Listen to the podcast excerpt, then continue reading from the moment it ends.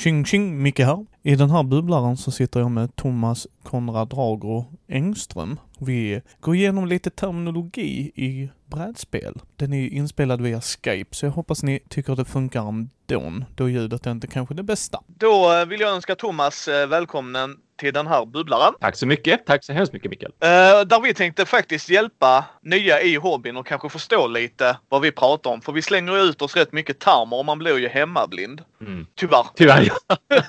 jag försöker tänka på det så mycket jag gör när jag gör mina videos. Så, och jag vet ju att vissa inte kanske gillar just den biten, men jag tycker ju om att översätta väldigt mycket. Och jag försöker att inte slänga mig med allt för kraftiga termer när jag ska förklara saker. Och det är ju helt enkelt därför att jag vill inte att folk ska bli helt, vad sa han nu för någonting? Och vad menas med det? Och så tappar de liksom tråden och så måste de rent utav googla på vad jag har försökt säga egentligen. Ja, precis. Och det är det jag menar. Vi slänger ut oss termer och sen så bara är det så. Och jag tycker också att man kan översätta lite. Vi behöver inte ha all engelska bara. Mm. Eh, Men jag tänkte vi kan väl bara hoppa i det direkt. Abstrakta spel Mm. är ju spel. Vi har ju haft den här diskussionen både jag och min poddpolare där, eh, Andy. Men abstrakta är spel är ju temalösa spel ju, vill jag Ja. fortfarande påstå. Ja. Mm. Liksom schack, Quirkle, Mm. Tsuro är ju Ja, också precis. Ja, exakt. liksom. Mm. Mm. Eh, och det brukar de inte vara rätt taktiska, många av dem väl? Jo, alltså jag, eh, jag brukar tycka om också att alltid inleda när folk kommer till mig som just som, som en kund så att säga. Alltså när jag jobbar i butiken i synnerhet, för det är oftast då det här händer att jag får frågor om vad ska jag köpa för någonting och jag är intresserad av spel och jag vill spela det här med ditten och datten. Så brukar jag alltid inleda med just det här. Gillar ni abstrakta spel? Och så förklarar jag alltid. Ja, men alltså, jag menar typ schack, Otello, den typen av spel. Och så sedan hör jag med dem då känner av lite grann att ja, men eh, ja eller nej, bu eller bä. Och så sen nämner jag spel som då, ja men har ni kollat på Battleship eller har ni kollat på Suro eller har ni hört talas om Hive och sånt där? Och de är ju ändå väldigt, väldigt taktiskt lagda alla de spelen och det är därför jag också brukar vilja försöka känna av tempen lite grann på hur reagerar folk först och främst när jag säger typ hotell och schack? För, för där, där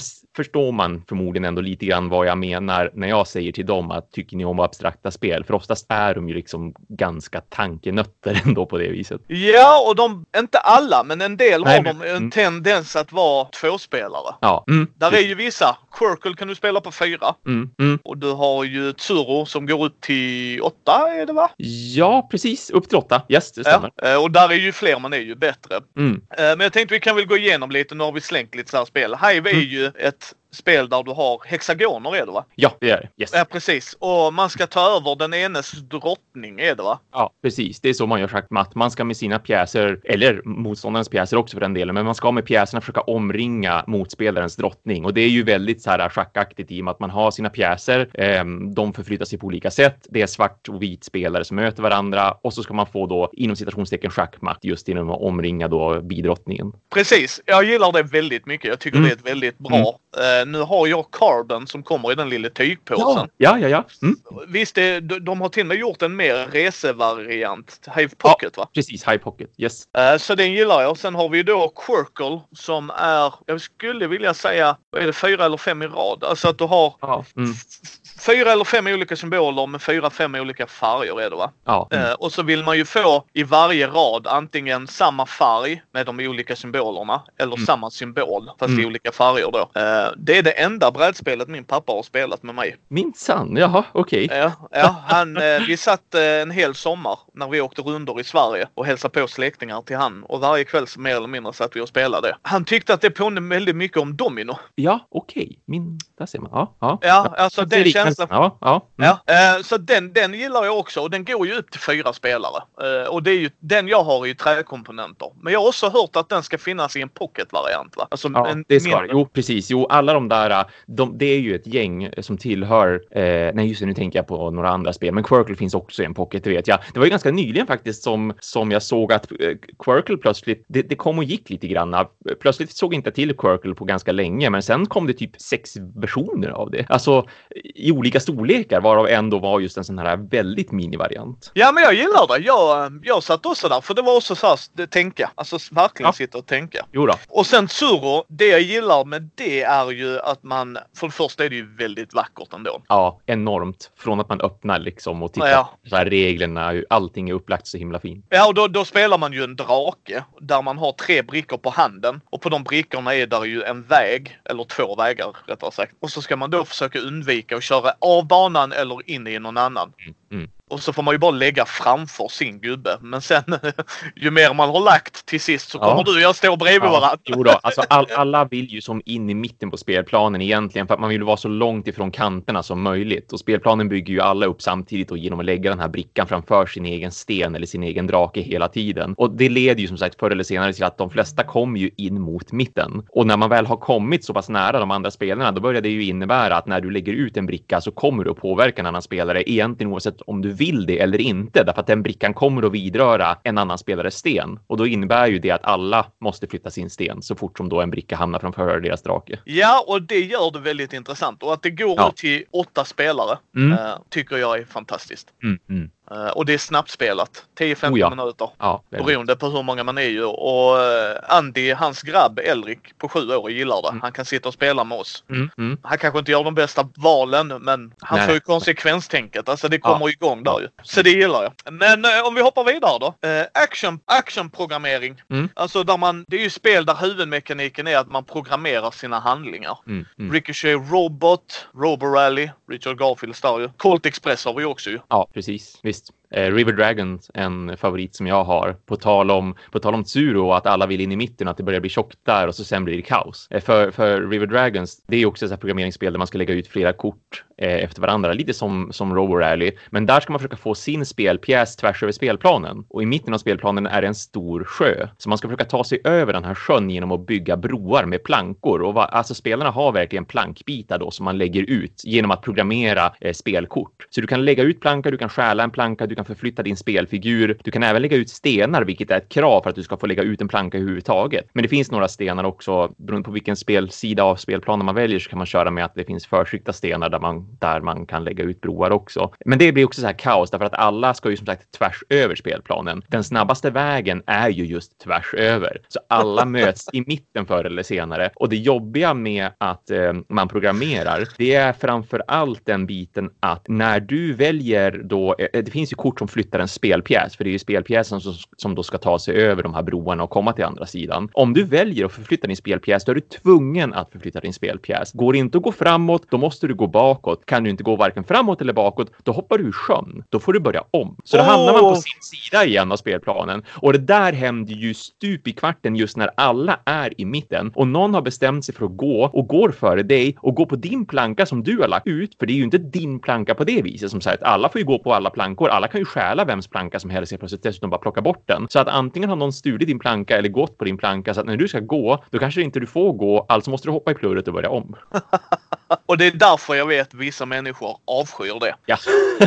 Eh, och just det, just det. Roborally är ju samma grej. Där ska man ju Mm. springa rundor och ta flaggor. Vill jag minnas. Mm. Den senare versionen i alla fall. Jag har inte spelat den tidigare. Men där är där du ska, du ska uppnå ett mål. Eh, men du kan också slå ut spelarna. Alltså Mm. vara herren på täppan grejen liksom. För då, eh, Eh, men då är det ju att du förprogrammerar liksom att jag vill gå rakt fram, höger, rakt fram, vänster. Alltså sådär. Men då räcker Ja. det att jag står i vägen. Helt plötsligt så, ja Micke går ett steg framför Thomas. Ja, Jaha. precis. precis. Ja, ja. Det händer inte mycket där.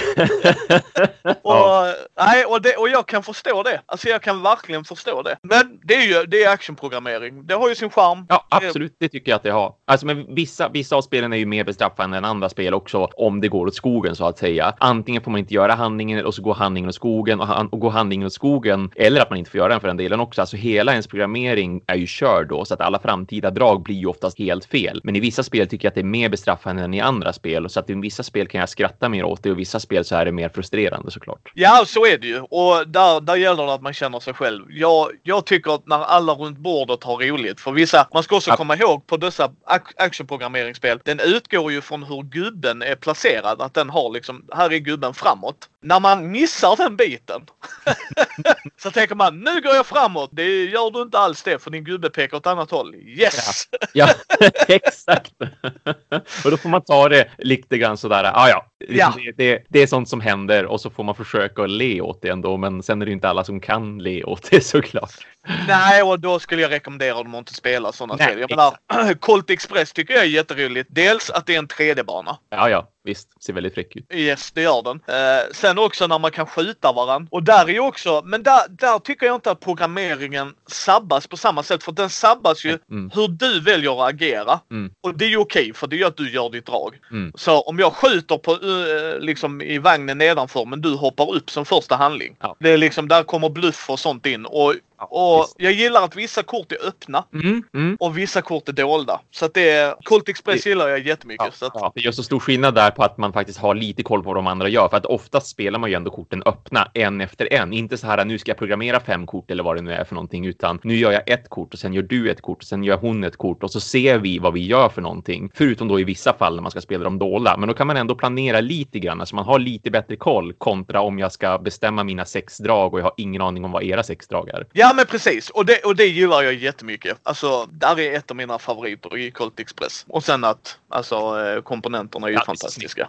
Oh ja. Sen har vi Ameritrash som vi pratade om i första eh, avsnittet av vår podd. Eh, men det kan vi ta här också. Det är ju en typ av genre av spel där tematik är viktigare än mekanik. Mm. Mm. Så vill jag förtydliga det. Och att du har eh, direktkonflikter. Mm. Det är ju också jättevanligt i Ameritrash ju. Alltså, player elimination behöver inte vara det, men det kan vara det. Mm. Mm. Eh, och då har vi ju spel som ditt favorit Twilight Imperium. Japp.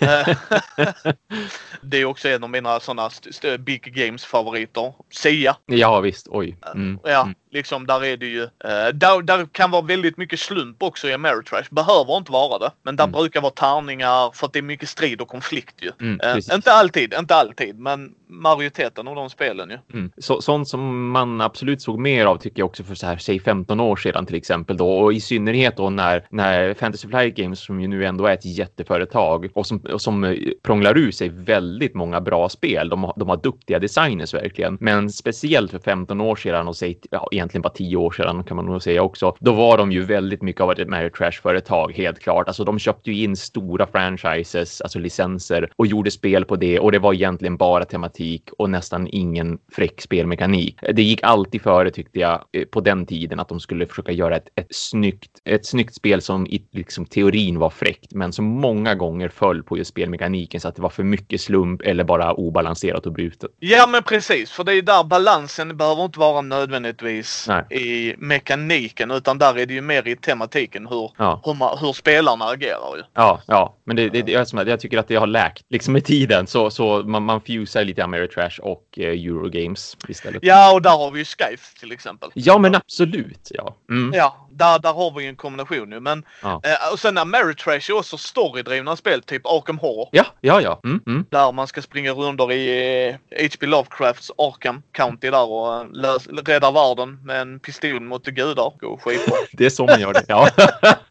men eh, liksom, men det är ju Fantasy Flight det också. ja, ja men visst. De kan. Eh, Ja, nej men absolut. Ja, jag tycker det har en plats för allt. Men Mm, mm. det, det är ju inte svårare än så. Va? Sen har vi ju Dungeon Crawl. Oh, en av Ja. favoriterna för mig. Ja, nej, men jag, ja, nej, men jag gillar Dungeon Crawl. Där har vi ju Descent, Mm, mm. Fantasy Flights. Både, de gjorde väl också ja, precis första och andra. Ja, visst. Andra kom de till och med med en app senare. Mm. Jag har inte spelat med den. Ja, jag har gjort det. Jag har en, eh, min spelgrupp, min sedvanliga spelgrupp så att säga, det är de vi som träffas på söndagar som jag ju pratade om när, när vi körde vårat specialavsnitt där på Gothcon och du intervjuade mig. Eh, vi, eh, vi har haft både en och två och tre kampanjer körandes med just appen för att det ska bli då fullt kooperativt, för det är ju det appen gör. Och den ber berättar faktiskt riktigt bra eh, historier, tycker jag. Alltså det är intressanta kampanjer och den sköter det väldigt snyggt och det är lagom mycket app och lagom mycket ändå vad händer på brädet, slå tärningar, fippla med spelkort och så vidare. Men det är lite eh, som, eh, förlåt mig, Mansion of Madness där då. Ja, absolut, det är det. Absolut. De, jag tycker absolut att de är väldigt snarlika varandra där. I, egentligen är det inget av dem som jag skulle säga tar över mer när det kommer till antingen då det storydrivna och vad appen gör och liksom vad som händer på spelplanen. Utan de är väldigt, väldigt snarlika varandra. Ja, jag sålde av det, tyvärr. Det var Mm. innan appen kom. För att, Ah, just det. ja, ja, för problemet jag har med vissa Dungeon Crawls Ja, är ju att när spelledaren sitter där. Mm. Antingen så får han dra tillbaks för att göra en så bra story som möjligt. Ja. Eller så bara kör Jo. han över spelarna. Jo, precis. Tyvärr. tyvärr. Och, eh, jag hörde appen hade fixat det. Ja, väldigt mycket. Men det är som med Manchester Madness på tal om det också. Därför att Ja. jag äger ju första utgåvan av Manchester Madness. Jag har faktiskt inga planer egentligen på att byta upp mig. Nu beror det också lite grann på att två personer i min spelgrupp har andra utgåvan av Manchester Madness. Så vi kan spela appen eh, om vi vill det då. Men jag har kvar den första utgåvan därför att jag, jag älskar att vara just herrgården och huset i det fallet. Därför att jag är väldigt tillbakadragen. Som man nästan kan se också. Jag gjorde ju en Halloween special för många, många år sedan på min YouTube-kanal där jag då spelar just Mansion of Madness med det spelgänget som jag hade där och då på den tiden och eh, la upp då, jag tror det var fyra eller fem episoder där vi sitter och spelar spelet och jag förklarar reglerna under tiden som vi spelar spelet. Och jag är väldigt mycket för att skapa stämning. Jag är väldigt mycket för att spelarna ska ha roligt. Så att jag försöker ju mera ha det som ett nästan rollspelsbrädspel där jag vill att de ska få en upplevelse i första hand. Jag ska inte vinna i första första hand. Sen försöker jag göra det utmanande först fortfarande för dem. Men jag tänker inte liksom utnyttja till exempel att elden är väldigt, väldigt bruten tycker jag i Manchester Madness, den första utgåvan. Den är så sjuk vad den kan orsaka mycket skada. Ja, det, det får vi spela när jag kommer upp i så fall tycker jag. Ja. Det var trevligt. Eh, För jag har bara spelat med en dålig spelledare som verkligen körde över oss. Och då, då var ja, liksom... då är det inte roligt. Nej, Nej, alltså nej. jag spelar ju, detta är ju också baserat i H.P. Lovecrafts värld ju. Mm. Eh, Call of Cthulhu-världen där ju. Eh, och det tycker jag de gör fantastiskt bra, Fantasy Flight där, att använda Ja, det. ja. Förvaltar väldigt bra den licensen. Ja, det tycker jag. Alltså just bara, alltså artworken, stämningen. Ja, ja, visst. Det är nära. Eh, Men jag gillar hur de gjorde det med tvåan. Att de tog bort spelledaren och så gjorde det appdrivet. Eh, Mm. Och jag tycker de gör det jättebra där. Det är ett av de sp- enda spelet jag har. Förutom trean de har third Mm. edition som jag har. Mm. Som jag stannar i min samling för jag tycker det är mysigt. Eh, Sen har du ju, jag vill påstå att Star Wars Imperial Assault också är en Dungeon Crawl. Ja, men absolut det och det köper jag för att det är ju. Det är ju Descent, men det är reskinnat med Star Wars. Alltså det, det har ju rent utav Descent-reglerna till typ 90 procent. Så att det är som att Fantasy Vikings fortsatte att förfina spelet. För att först gjorde de ju som sagt den första utgåvan av Descent och sen gjorde de second edition av Descent och då hade man förfinat väldigt mycket och strömlinjeformat lite grann av det och så sen gjorde man ju Star Wars Imperial Assault och det är till mång om mycket även i appen vad det liksom Descent faktiskt är. Men i och med det också så vore det konstigt att inte kalla det för en Dungeon Crawl eftersom det är samma upplägg. Det är bara det att man kanske potentiellt är utomhus lite mera ofta och man är inte i grottor då specifikt. Men, men Dungeon Crawl behöver ju inte ha någonting med just temat att göra. Det måste ju inte vara fantasy och det måste ju inte vara under jorden, utan det är bara snarare tycker jag liksom hur upplägget ser ut på spelet. Ja, och upplägget är ju det att man är en bunte hjältar. Ja, mm. Är det ju oftast. Eller eh, aspirerande hjältar. Ja, ja. Om de överlever så är de nog mer hjältar. ja. Och vissa av dem är appdrivna, de har fixat det. Eller så har du en spelledare Mm, inom mm. kaninöron här för folk som inte ser det. Men eh, där är en spelare spelar mot de andra. Eh, och då, då spelar han monsterna eller skurkarna eller huset som du sa där med Mansion Madness First Edition. Medan i Gloomhaven så styr spelet sig själv kan man väl säga. Alltså, Ja, där är ja. ingen app utan Ja. eh, det är kortdrivet där va? ja, det är ju det. Ja. Ja, ja precis. Och det är där korten säger vad som händer och sådär ju. Och det är ju också en annan take där, för där vi pratade precis här innan där med där Ameritrash, Ameritrash formar sig med Eurogames. Samma sak är det ju med Dungeon Crawl. Det är ju ett Ameritrash. Mm, mm. Oh. Alltså huvudgrejen, för det är ju tematiken. Du ska Mm. ner där och så Mm. blir levla och det gör man ju oftast. Man levlar ju. Man går upp visst, i nivå. går upp i Ja, visst, och bli bättre. Och bli starkare. Precis. Medan i Gloomhaven, utan att avslöja för mycket för att folk som ska spela det ska spela det, men det är ju kortdrivet. Mm. Det är väldigt euromekaniskt drivet ju. Ja, överraskande verkligen för väldigt många vet jag. Ja, och, och, jag, och det gillar jag med det. Mm. Eh, Oh ja. för, så att eh, det tyckte jag, för de gjorde en intressant twist där med Gloomhaven tyckte jag. Mm. Mm. Verkligen. För, för spelet sköter sig själv väldigt bra till att börja med. Vilket det blir väldigt konstigt annars. Alltså för det kunde, hade kunnat falla riktigt platt där. Ja, oh ja, oh ja, väldigt hårt. Ja. Det var därför jag inte backade det när det kom första gången också.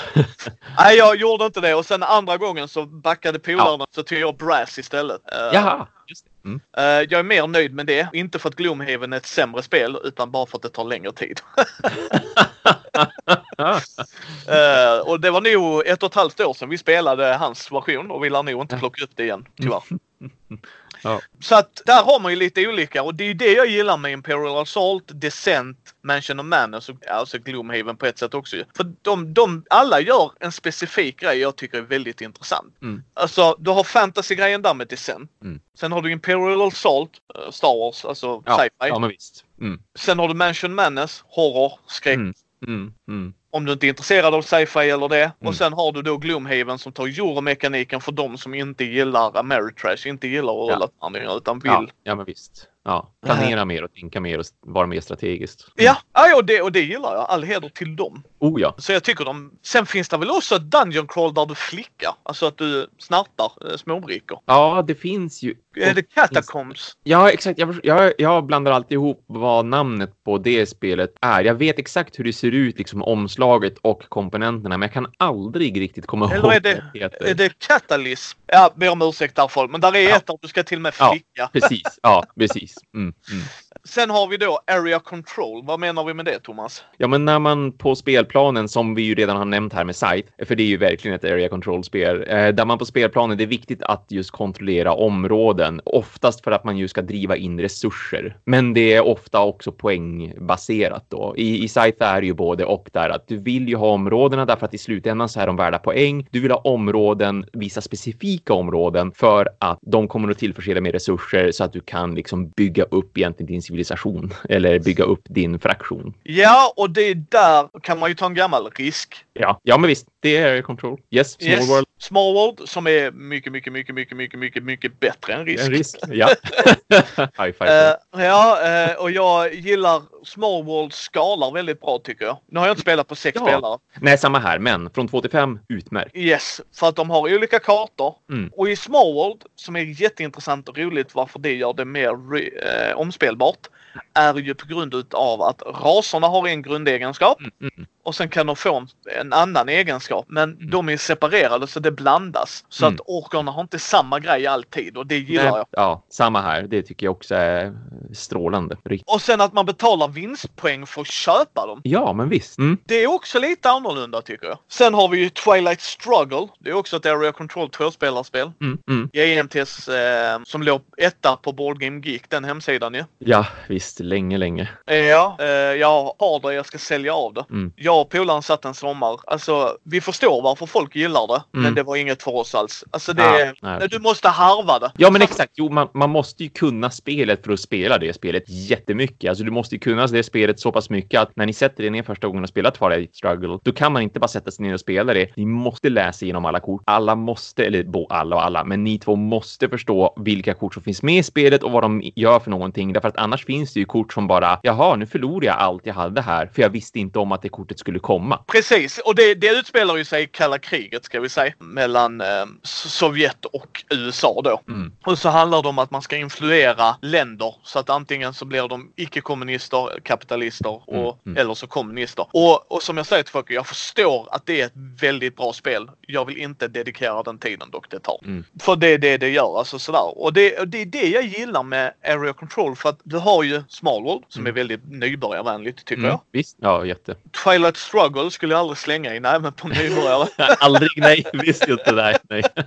och att det liksom kan gå så. Nej, så att ja, jag tycker Area Control. Nu ska vi också säga det här, eh, kära lyssnare, att de här mekanikerna jag och Thomas berättar om, det, man kan kombinera det på väldigt intressanta sätt. Men Area Control, vissa spel använder det som huvudmekanik. Mm, mm. Som Small World. Alltså Ja, det är ju huvud, ja, huvudmekaniken i Ja. spelet. Medan i Skies är det en av mekanikerna i spelet. Ja, precis. Det finns ju så mycket annat, väldigt mycket, men det finns ju andra saker att plocka poäng på, så du måste ju absolut inte kontrollera all mark på kartan. Du måste inte strida om den. Du måste vara väldigt noggrann med vilka strider du verkligen tar, därför att bara för att du då faktiskt krigar i det spelet, som ju är väldigt kostsamt, så betyder inte det kriget och den vinsten att du faktiskt vinner spelet, för du kan mycket väl förlora på grejer. Eh, just för att någon annan kanske har färre områden, men har annat som ger poäng och är mer populär hos sitt folk för att man inte har krigat, vilket gör att man får mer poäng för det lilla man har. Och det är intressant. Ja, nej, men precis. Och det, nej alltså jag, jag tycker det, det kan vara väldigt intressant. då ska man också komma ihåg gott för Area Control menas ju då också direkt konflikt. Ja, och gud. Ja, ja. Och gillar man inte det, då spelar man inte ett Area Control-spel. Nej, nej, alltså det senaste där som jag tror har lurat många, det är ju Root. För Root är ju ett extremt konfliktorienterat spel och det handlar ju väldigt mycket om att kontrollera spelplanen, alltså områden på spelplanen för att oavsett vilken av fraktionerna du spelar där och alla spelas ju väldigt olika. Ja, okej, kanske inte tvättbjörnen då för all del. Den som den rollen behöver ju inte ha kontroll över någonting. Men de andra eh, fraktionerna däremot, det är ju jätteviktigt för dem att faktiskt ha att ha kontroll över de sådana här gläntorna som den här spelplanen är uppbyggd av. Därför att gläntorna är ju ett ställe där du dels kan få ut dina enheter på, alltså dina små figurer. Och det är ju dels en plats där du kan få ut dina byggnader, vad det nu nu än är för typ av byggnad då, beroende på vilken fraktion man spelar. Och det är ju så de flesta plockar poäng också. Eh, Åtminstone två av fraktionerna plockar ju verkligen mycket poäng på att just få ut många byggnader. Så att jag tror att många ser ju det spelet och det gjorde jag också till en början absolut och tycker att gud vad gulligt det här ser ut och man spelar djur. Så då måste det ju vara jättesött och jättesnällt och väldigt enkelt. Och istället är det jättekomplext. Det är väldigt mycket att tänka på. Alla har olika saker att tänka på eftersom varje fraktion spelas olika och det är direkt konflikt för du kan inte sitta och mysa i ditt lilla hörn. Det vinner du inte på. Du måste gå ut och vara aggressiv. Ja, och det är därför jag vill förtydliga det för att det är direktkonflikt och gillar man inte det och jag har eh, kompisar som inte gillar det och då spelar man inte det med dem. Nej, men- alltså det.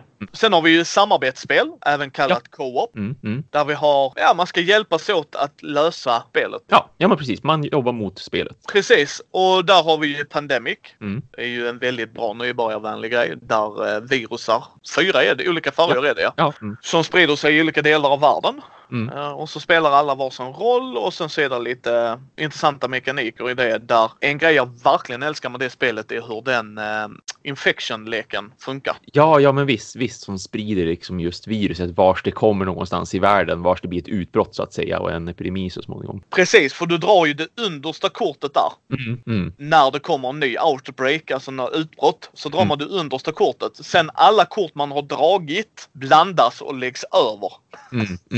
Det är Samma- så elakt. Yes! Eh, Men det är också väldigt taktiskt för att Ja, det är där man kan göra ja. ett val. Oh ja, för då vet man ju och kommer ihåg att ja, men vi- minns ju att de här korten som nu har blivit inblandade igen, eller ja, lack, blandade och lagt överst på kortleken igen. Eh, vi vet att det kommer att hända någonting i London, vi vet att det kommer hända någonting i Stockholm och så vidare, så att man kan ju förbereda sig på det då. Man har ju koll på framtiden av den anledningen. Ja, och det... Alltså, Matt Leacock har ju gjort den ju. Mm. Eh, och den funkar än idag, det tycker jag. Absolut. Jag spelar nog inte den så mycket längre. Nej, nej. Mm. Men min lillebror, han är inte alls brädspelare, men han, eh, han till och med åkte från jobb, alltså en omväg för att komma hem och spela lite Pandemic med mig. Oj, då har han blivit biten av det. Ja, han spelar inte det längre, men han, ibland sneglar han på det när han är här och så. Men, Ja, eh, men vad roligt, vad trevligt. ja. Eh, sen så gjorde ju Matt Leacock Forbidden Island. Ja, mm. Eh, och det är ju, man ska hitta fyra reliker vill jag ändå påstå det. Ja, det skatter, ska- ja. reliker, skatter. Ja, mm. Eh, medans ön sjunker. Mm, mm. Och det är ju väldigt nybörjarvänligt också. Till och med mer nybörjarvänligt än Pandemic vill jag påstå. Ja, ja, jag tycker att det är ännu simplare mekanik och det är lättare att komma in i och så vidare. Så att absolut. Eh, och där har man också olika roller och det. Och ja, komponenterna i den är ju fantastisk tycker jag. Ja, mm, mm. Enda negativa är att den kommer i en plåtlåda. Nej, det men alltså, är snyggt och inte praktiskt. Precis, den är snygg men den är inte praktisk. Ja. Nej men så den gillar jag. Men sen har du också tyngre, vad heter den, eh, Ghost Stories. Ja, just det. Ja. Mm, mm. Mhm. Vi körde på lätt nivå. Så tänkte vi, ja men det här klarar vi. Varför säger alla att det är svårt? Så gick Ja. vi upp en nivå. Jag har aldrig blivit så piskad i ett spel innan. ja det var brutalt. Vi vann aldrig. Jag tror vi spelade det innan jag sålde det så här 10-20 gånger. Det fanns inte. Alltså det... Nej. Men det var, det var roligt ska jag också säga för det var Ja. Verkligen utmanande. Men man satt Ja. på tårna där. Sen har du ett med lite tyngre tema. Det är ju Black Orchestra. Ja, visst. Mm, mm, Eh, Du ska ju lönnmörda Hitler då mm, mm. eller hans hantlangare. Och det är ju ett tyngre tema. Det är ju inget snack om det. Nej, men men precis. Visst. Men mekaniken är ju intressant. Ja, ja, väldigt enkelt så här uh, pick up and delivery inom citationstecken då som det kallas för. Liksom, precis vad det låter som. Hitta de här grejerna och för dem hit. Vilket ju innebär att när man väl vet hur man ska lönnmörda Hitler, för först gäller det att hitta ett kort som talar om att du kan förgifta honom eller du kan spränga honom på hans eh, plan eller du kan skjuta honom i en mörk gränd eller vad det nu är. När man väl har fått tag på det liksom så att man vet att så här ska vi planera att mörda Hitler, då ska man ju hitta rätt komponenter för det, eller rätt, rätt utrustning för det. Och sen måste man befinna sig på rätt plats vid rätt tillfälle. Så det är lite pick up and delivery på det viset. Sen, sen är det ju mer pick up and delivery också på det viset att man kan, man kan ta grejer och föra dem någonstans och få en belöning för det i spelet så att det ska bli lättare för en. Men även huvudmekaniken, liksom mekaniken, alltså själva just att lyckas lönnmörda Hitler, bara det är ju väldigt, väldigt mycket av ett pick up and delivery spel. Ja, och då kan vi faktiskt eh, gå över där. Pick up and delivery är ju fraktspel. Mm, mm. Du har ju Eric Sommers favorit där, vad är det den heter? Som Fantasy Flight går ut. Den i rymden när du transporterar grejer. För du har ju... Är, det, är det typ Rex? Nej. Nej, oh, vad är det det heter? Jag måste googla det. För jag vet att... Ja, jo, men eh, precis. Eh, eh, shit, de gjorde ju en ny utgåva av det för, Yes. säger, ett fem år sedan eller vad det kan vara. Jag gjorde en videorecension på det också. Ja, och vad heter den? Och nu känner jag mig så dum här. Ja, jo, jag, jag tror att jag har det potentiellt liggandes bakom mig i ett av mina skåp, men, men det är där det. Nej, nej det, det, har, det har helt fallit bort bara. Ja, jag ska kolla här. För det... Jag har inte spelat det själv, men jag har hört att det ska vara jättebra. Ja, jag gillade de gamla reglerna mer än de nya, för det var ju det de gjorde också, Fantasy Flight Games, med sin nyutgåva där. Så eh, dels gjorde de ju bara en nytryck rakt av och liksom förfinade komponenterna lite granna och lät de gamla reglerna vara mer eller mindre som de alltid har varit. Men sen gjorde de ju även egen liksom, tagning på hela spelet och tänkte att så här kan man också spela det med de här reglerna och så skulle det bli lite mer modernt. Men det var jag inte alls förtjust i. Men nu kommer jag inte ihåg varför, vad, vad jag tyckte liksom felade där. Men det finns ju en videorecension för de som är, de är intresserade som sagt, bara vi kommer på namnet. Ja, jag ska se här. Jag får hoppa in här. Board Game Geek to the rescue. Sen får vi gå in på Fantasy Flight. Nu ska vi se här. För jag vet... Mm. Nej, jag tänker nog på Merchants and Marauders rent utav. Nej, Merchant of Venus! Där hade du det! Ja, Kolla! Titta! Aha! Eh, nej, Merchant of Venus. Sen har vi, har vi några andra spel där de har... eh, jag tänker Skies. Nej, inte Skies. Sia är också ett pick up and delivery-spel. Ja, just det. Ja, mm, En mm. del av det är det ju det, för att det är beroende på hur du väljer att göra. ja precis. Det är en komponent. Precis, för det, det är ju som sagt, du tar en grej från punkt A till punkt B. Ja. Skillnaden där är att Merchant of Venus är det hela spelet mer eller mindre. Ja, ja. Mm. Medan i Sia är det en av grejerna du kan göra. Och det är en bra strategi att göra i Sia också. Mm, mm. Och Sia är ju då att du är eh, du har ett rymdskepp och det jag gillar med Sia är att du kan välja vilken typ av motor du har och motorn tar visst beroende på plats och alla rymdskepp är olika. Ja. Mm, mm. Så vill du springa runt och skjuta ner dina kompisar, mm, Mm. då eh, kan du inte plocka upp lika mycket gods och kanske inte ha lika stark motor. Vill du ha ett stort cargoskepp, ja då får du plats med mycket men du har, för de har ju egna hur snabbt de rör sig och hur många handlingar de kan göra. Mm, mm, Och där mm. är ju små korta som liksom, nej men jag kan inte transportera mycket men jag kan skjuta i sönder dig till månen. Ja, precis. Eh, men så det gillar jag i Sia där. Men det är ju liksom pick up delivery att du tar en grej från punkt A till punkt B. Mm. Eh, och det är ju oftast vill jag väl säga lite mer euromekanik över det. Absolut, det skulle jag också säga att det är. Ja, då, visst. Sen har vi ju deckbuilding, eh, Mm. lekbyggarspel. Mm. Och det är ju som det låter, man bygger sin lek. Du har ju Granddaddyn of them all, Dominion. Ja, visst, visst. Som verkligen, verkligen födde konceptet skulle jag säga också. Ja, och eh, det är ju då att man har, man börjar spelet med nästan oavsett om du spelar DC Deckbuilding, Marvel Legendary, Dominion, Thunderstone så har du en Ja. grundhand, en start. Ja. Och det, det är liksom lite döda kort, alltså kort som inte gör någonting specifikt och så kort du handlar för. Mm. Eh, och så med de korten man handlar för ska man då bygga sin egna lek. Mm, mm, Och i Dominion handlar det om att få vinstpoäng. Mm. Och det är liksom att, och det fina med Dominion är att även om du har vanliga grundboxen så är där 10 korthögar vill jag minnas. Och när tre av dem är slut så slutar Ja. spelet. Ja, Eh, eller om hela Dutchin är slut va? ja, exakt. Precis. Den, den, eh, för visst är det. Dutchess som är värt mest. Nej, Nej, provinser. det är provinserna, ja precis. Ja. Provinserna är väl värd typ fem eller sex och Dutch är bara värd tre poäng. Ja, Ja. precis. Det är den när kortleken som faktiskt har de högsta vinstpoängen i slutet, då, då kan man också trigga avslutet. Mm. Precis, och det, och det gillar jag för de tio kortlekarna snurrar rundor. Alltså, Ja, ja. Du kan antingen sätta upp själv eller ta slump eller så har de väldigt bra förkonstruerade, liksom prova de här grejerna om ni vill ha lite Mm. struktur i det. Och det gillar jag. Det är snabbt, enkelt, Mm. smidigt. Mm. Och de släppte till och med Big Box. Där Ja. du får hela Intrigue, där heter den. Ja, ja precis. Yes. Och den har jag ju. Mm. Och jag tycker den är fantastiskt rolig. Alltså jag gillar det. Mm, mm. Jag gillar det Samma, ja, ja, jag gillar det också jättemycket. Eh, och det har ju, det har ju liksom, som sagt, Dominion födde ju verkligen en genre där ändå. I och med att nu kan man väl potentiellt diskutera så här, uh, Starcraft the Board Game hade absolut lite deckbuilding till sig också. Det kom ett år innan Dominion, men Dominion var, tycker jag ändå, det var så stor skillnad mellan Starcraft och hur det funkade och Dominion. Dominion gjorde ändå någonting väldigt nytt som väldigt många spel sedan dess har anammat liksom som system. I synnerhet just det här som du säger med att det finns tillgängligt fler kort som man köper, att man slumpar vilka kortlekar man ska använda sig av, vilka typer av kort det finns och man kan kombinera dem på hur många sätt som helst och att det liksom är det stora i spelet och försöka hitta en bra motor till sin kortlek också så att man kan vinna vad det nu än är det går ut på. Så att det vart ju väldigt mycket eh, än idag väldigt många intressanta spel som har fötts med just den här deckbuilding-mekaniken i sig. Som Star Realms är ju också ett deckbuilding-spel som jag också tycker är riktigt, riktigt bra och så här jätteenkelt att spela. Alla kan komma in i det science fiction-tema där man bygger rymdbaser och skickar ut sin flotta på motspelaren. Ja, och sen har du Hero Realms. Ja, precis som är fantasyversionen. Eh, det ser lite annorlunda ut, men, eh, men liksom funkar på samma sätt fortfarande och att den går om man vill spela i co-op plus att man kan vara fler spelare. Star Realms i grunden var ju gjort för bara två spelare. Eh, sen är jag säker på att till exempel Star Realms Frontier som är det nyaste tillägget. Jag har inte så jättebra koll på Star Realms så, men jag, jag misstänker man kan vara fler än två just nu. Men Hero Realms är ju så här från en har jag för mig till fyra spelare och man kan spela i co-op och man kan köpa till kampanjregler och spelare samarbete som en som ett långt spel om man vill rent utav.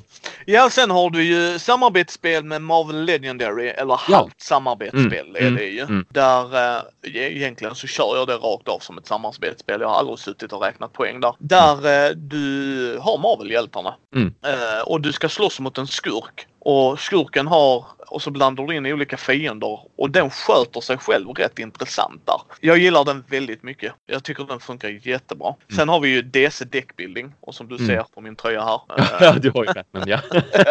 och det, den gillar min fru mest, DC Deckbuilding. Mm. Men det intressanta med DC Deckbuilding tycker jag, det är att Mm. antingen så kör man det alla mot alla, eller så kör man två mot två. Aha, okej, det går att dela in sig i lag där ja. Yes, och här är grejen. När jag köper kort i min runda kan Ja. jag ge dig kort. Ja, okej. Mm. Så mm. att de har för, för problemet blir ju annars att åh, Thomas behövde det här kortet för det hade Ja. gjort hans lek så mycket bättre. Men jag Ja. kan köpa den till dig om jag har Ja, poängen just till att göra det. Mm. Mm. Eh, eller eh, pengarna eller fight är det ju det här pow. Power tror Ja, jag det heter ja. i eh, DC. Eh, och det gillar jag jättemycket. Och här i kickern då också. Mm. Då får motståndaren dra kort. Då Ah, får de kasta, okej. kort, kasta de döda korten för att dra kort. Ja, ja. Så för varje kort jag ger dig så får spelaren, motspelarna välja vem som, ja men jag kastar rätt och drar rätt. Ja, ja, men det känns som en bra balans där. Ja, för att du ska kunna hjälpa mig och då får vi, då får vi överväga då, är det värt det? Därför att vi vet att våra motståndare då får göra den här, de får den här fördelen av det. Ja, alltså så sagt. Sen är jag ju DC. Marvel gör det snyggare på andra hållet. Ja. Men jag gillar just att man hade den eh, varianten. Mm, mm. Sen är det väldigt obalanserat kan jag ju säga dig. Alltså handen på hjärtat. Ja, ja, ja, ja. Börjar, börjar du och jag vinna kan de andra inte hinna ifatt. Så att, Okej, ja, så att, men är man, är man fyra som kan spelet så blir det ju bra Mm. på det sättet att då måste man, du, du måste köpa den gubben. Även om den inte gör något i din lek så kan inte Mm. liksom han andra få den. Så att ja men det är deckbuilding, man bygger sin lek. Jag gillar väl deckbuilding tycker jag överlag. Ja, jag är, är jätteförtjust i det. Det är jag verkligen oavsett hur det liksom är uppbyggt. Om det då är det här uh, Dominion deckbuildinget som sagt när man verkligen köper kort i sin kortlek och man optimerar sin kortlek och man, man kastar kort som så småningom blir liksom värdelösa inom citationstecken där. Eller om det då är som i till viss del Gloomhaven, kanske snarare mera i Mage Knight, the board game, där du köper ju inte kort på det viset. Du har inte den här jättegigantiska marknaden på samma vis, men du har fortfarande en egen kortlek som är unik för dig då rent utav. Nu i Dominion är de ju inte unika till en början, men i och med att Gloomhaven och eh, Mage Knight båda är karaktärsdrivna, man väljer ju ändå en karaktär när man börjar spela, så, så då får man ju unika kort och så sen försöker man få bättre kort till den leken. Men de är lite svårare att få tag på. De, är, de, de finns inte i samma utsträckning. Men det är fortfarande att man ska bygga en kortlek för att göra sin egen karaktär stark. Ja, nej precis. Mage Knight har jag fortfarande inte spelat. Jag måste fan ja, det, ja det, det borde du verkligen, verkligen ta itu med, helt klart. Speciellt om man då gillar, alltså en stor anledning till varför jag gillar Gloomhaven och varför de flesta av oss, då, vi som gillar Gloomhaven som sagt, det är ju för att vi uppskattar den här planeringen som spelet har med just sina kort.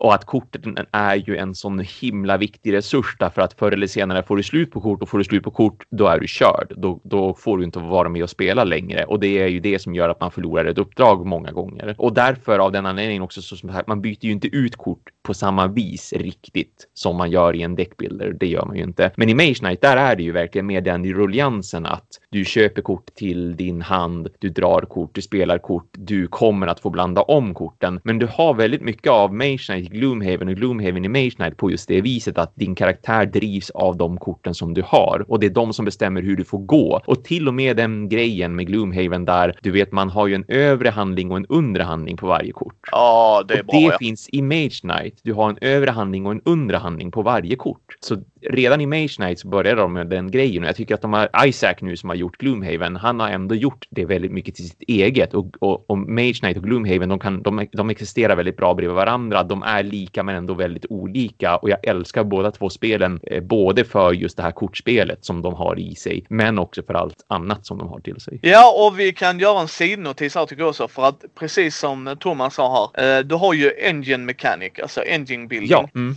Eh, och det kan vi flika in här. Alltså det är ju när du bygger upp för någonting. Du vill göra din eh, motor, kaninöron Mm, här för folket, Mm, mm. din, din motor smidigare. Dominion är ju det. Alltså du vill ja, göra precis. din lek så smidig som möjligt. Ja. Att varje kort du spelar har en effekt. Ja. Uh, Mage Knight uppenbarligen samma. Gloomhaven är ju samma grej där. Alltså att du vill ju göra din motor så fin som möjligt. Och det är det när de menar med engine building gott Mm. folk. Liksom att det, är- det är när huvudmekaniken i spelet är att du ska göra en så bra motor som möjligt så att till sist är den mer eller mindre självgående. Mm, mm. Och det, sådana spel tycker jag är väldigt intressanta men de är ju inte förlåtande. Nej då, gör du fel, inom citationstecken fel, då får du ju verkligen bli bestraffad för det också. Då kommer du att märka det. Då kommer ju din motor att komma till ett stopp. Eller att den börjar hacka och halta väldigt mycket och då hamnar du efter. Ja, och eh, det är inte alla som tycker det.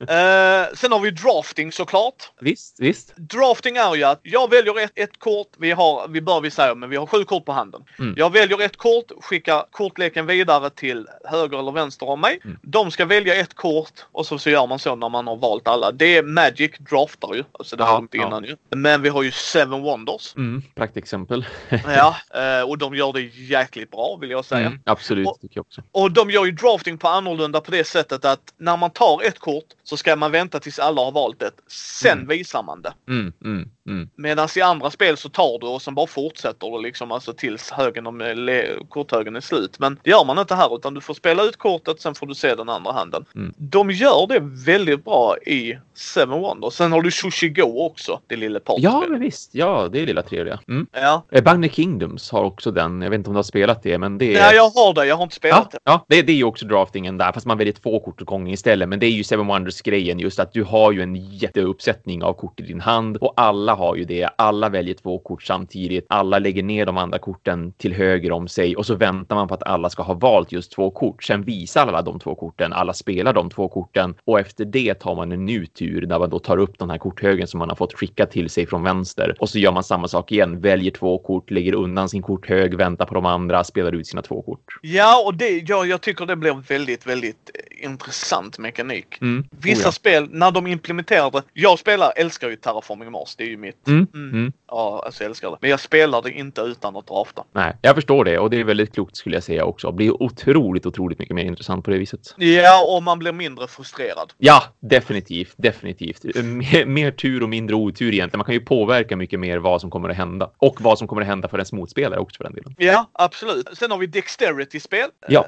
precis. På tal om det vi sa tidigare med att flicka iväg brickor och sådär. Yes, och sen har vi Jenga. Om vi ska ta ett gammalt spel. Ja. Det är ju ett dexterity-spel. Ja. Det menas ju att du med fingerfärdighet oftast, eller alltså din, din förmåga att hantera pjäserna Ja. är, är ju hela mekaniken. Sen är det ju helt och hållet, du har flickspel som i Mm. Flick 'em Up. Ja, men visst. spelet. Precis. Ja. Mm. Eh, Mm. Då har du en showdown och så ska du skjuta dem. Och de bitarna, fasiken de kan göra ont om du Ja, verkligen träffar fel. ja. Jo, precis.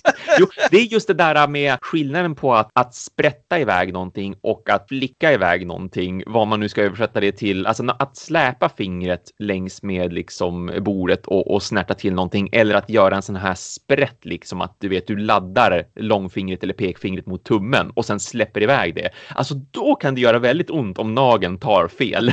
Men om man gör den här mer att man släpar mot bordet och så ska man som snärta iväg något. Det, det är som, det blir två olika saker där och det är mycket mer skonsamt om man gör den andra sättet. Ja, och jag gillar... Eh, jag sålde min för återigen, jag fick inte till bordet och då kan jag lika bra ge det till någon som får det till bordet. Absolut. Har du, har du provat Flick 'em Up? Ja, det har jag. Jag gjorde en videorecension av det, så jag testade det ett par olika spelvarianter och omgångar med då mitt spelgäng och hade faktiskt väldigt roligt med det. Jag tyckte det var väldigt charmigt gjort och sådär. Ja, och sen har vi ju Djur på djur av Habba. Ja, visst. Ja, Eller precis, Haba, förlåt precis. mig. Haba. Ja, ja Haba. Mm. Eh, det gillar jag. Sen har vi Click Clack Lumberjack. Ja, oj, det har jag spelat oväntat mycket och lyckats få väldigt många oväntade personer också att spela det spelet och ha fruktansvärt roligt med det när de väl kommer igång. Vi kan gå igenom de här också. Det känns Ja, jättedumt att vi... Absolut, absolut, ja. Mm. Vi har ju i Djur på djur eller Animal upon Animal.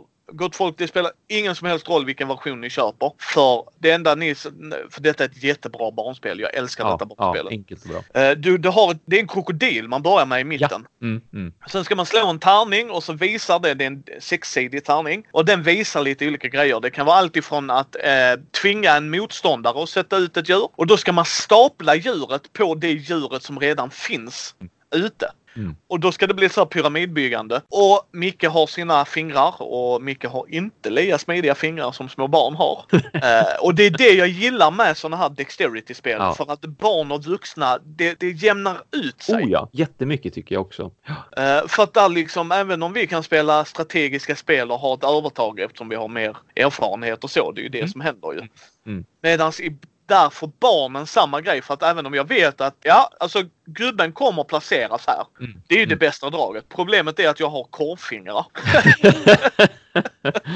Så, ja. och sen får man liksom då se eh, om man kan placera ut den liksom. Och så, så ska man göra det och så är det, när första killen är ute så är han ute liksom. Då, då har han klarat det. Då vinner han spelet så att säga. Väldigt charmigt. Det är träkomponenter. Eh, den har kommit i en svensk version för det har jag sett på World of Board Games bland annat. Yes, det stämmer. Men jag vill bara säga den är helt språkoberoende. Ja, ja, men visst, absolut. Och det är ju inte så svårt att lära sig heller. Ja, men du Nej. berättade just reglerna mer eller mindre liksom. Ja, ja det, precis. ja, vem som helst kan lära sig det. Du behöver ju inte vara expert på engelska direkt. Nej, och det är det jag gillar och det är det som gör att det kan ju barn lära ut också. Ja. Absolut, ja. Sen har du Click Clack Lumberjack. Då är det ju att du bygger upp en, eh, ett träd i mitten. Mm, av plast. Eh, av, av plast, precis. Och du har en stam Mm. där du sätter barkbitar på. Fyra barkbitar per stam. Mm. Du vill få barkbitarna, inte stammarna. Ja. För stammarna är värda minus fem poäng och varje barkbit är värd ett poäng. Mm, mm. Och här är det roliga jämfört med vuxna och barn. Jag är ju starkare än lille Elrik som sitter bredvid mig. Mm. Så jag måste ju måtta mitt slag på ett helt annat sätt än vad han gör. För tar jag Mm. bara i lite för mycket så river jag hela trädet och förlorar. Mm, precis, ja.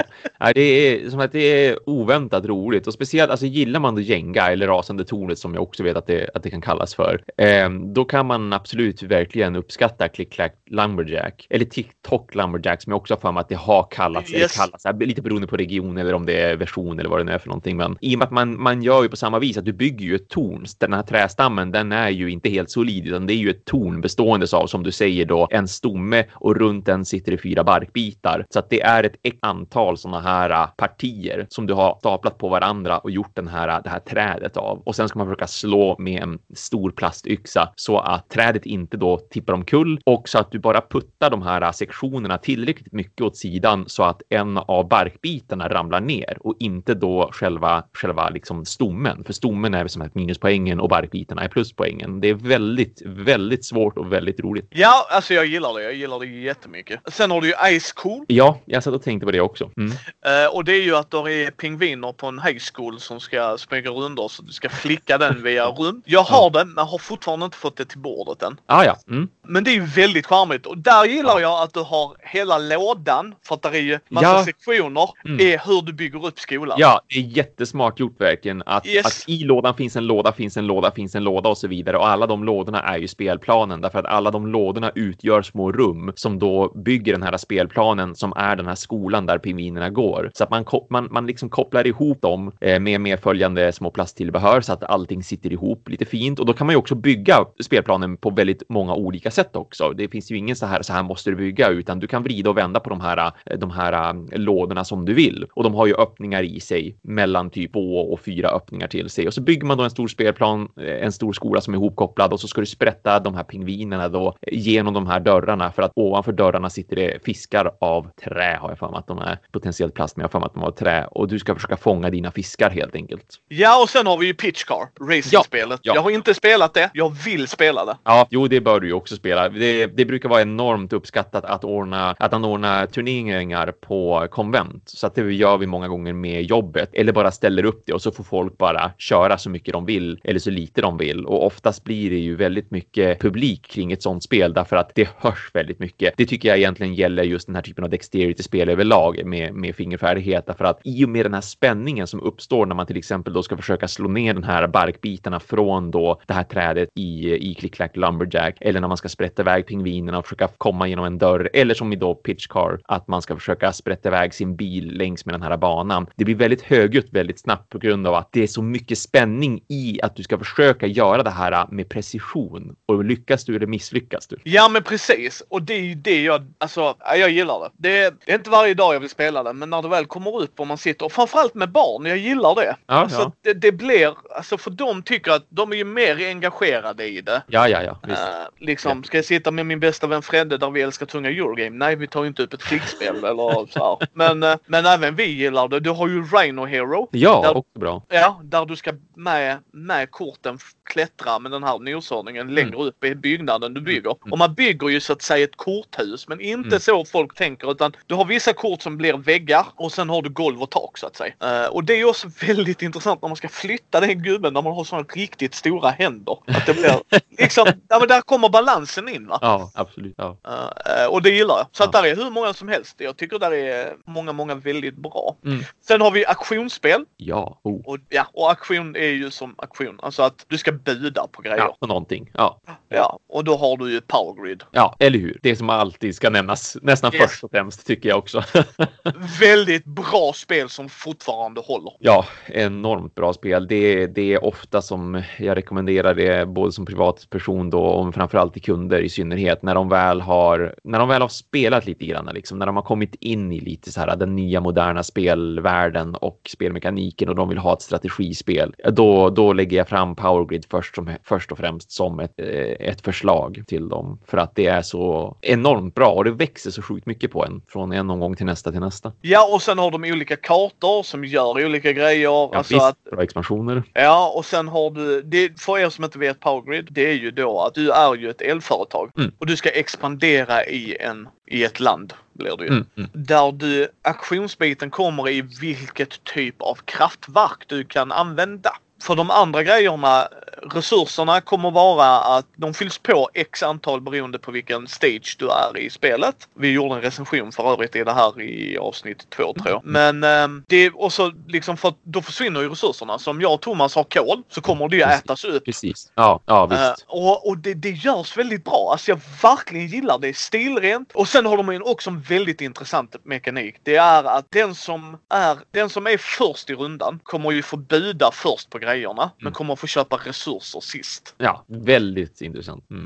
Ja, och hur ser man då vem som är först? Jo, beroende på hur många hus du kan förse med ström. Mm, mm. Så du kanske får ett kraftigt kraftverk, Mm. men det gör också att du blir först. Ja. Och då kan de andra se det också. Jaha, ja, ja, men då kan jag också köpa ett sånt här billigt. Så kan jag bara köpa loss resursen innan det är Thomas tur. Ja, och bara yes! Ja, exakt. Yes! Ja, ja. Det, är, det är en sån där sak som en av de där grejerna som verkligen växer på en och får en att tänka mer och mer ju mer man spelar det spelet. Just hur viktigt det är att vara först eller att vara sist. Hur viktigt det är att få ta på ett nytt bra kraftverk före de andra och hur viktigt det är att få ta på just resurserna före de andra och väldigt mycket avläsa hur det ser ut för de andra och vad man tror att de andra ska få ta på för typ av kraftverk och vad de har för kraftverk just nu. Det är just den dynamiska eh, marknaden av resurser som jag tycker är mest fantastiskt där. Att är det många som håller på med kolkraftverk just nu, då vet man att kolet kommer att gå åt och det kommer att innebära att priset på kol går upp. Alltså måste jag betala mer för att få försörja de här städerna. Men samtidigt så är det ju just försörjningen som spelet också går ut på. Jag menar, det är ju den som kan försörja mest i slutändan som faktiskt vinner spelet. Så att ja, det är så himla trevlig avvägning där verkligen. Hur, var jag beredd på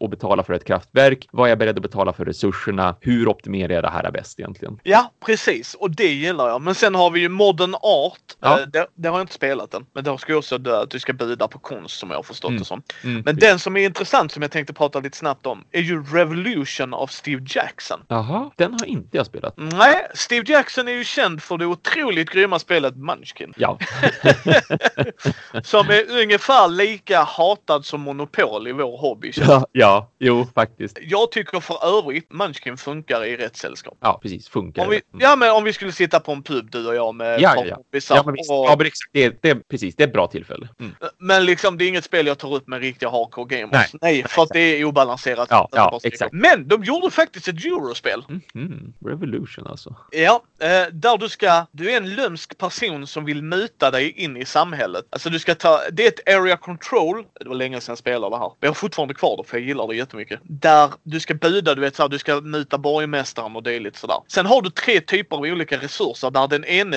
resursen trumfar den andra. Mm. Så till exempel om jag har guld, blackmail och så tror jag det var något annat, diamant eller något sånt. Så vi Mm. säger guldet är vanligt guld, det är den lägsta. Sen har du diamanten och sen har du, om jag minns rätt gott folk, som sagt länge sedan vi spelade. Men sen har du också blackmail och det som gör det intressant är att om du betalar så tänker du att Micke har ju sex guld. Så om jag Mm. betalar sju så kan jag göra det. Men så sitter Fredde där med en bla- eh, blackmail token. Då spelar det ingen roll hur många du Ah, black. ah. Då sätter han den. Och här är där folk blir väldigt upprörda över spelet, vilket jag gillar i spelet. Det är att du förlorar det du budar. Aj, aj, aj. Ja, sånt är extremt bestraffande. Det är ju det i den här typen av Yes! spel. Oj, oj, oj, oj, oj.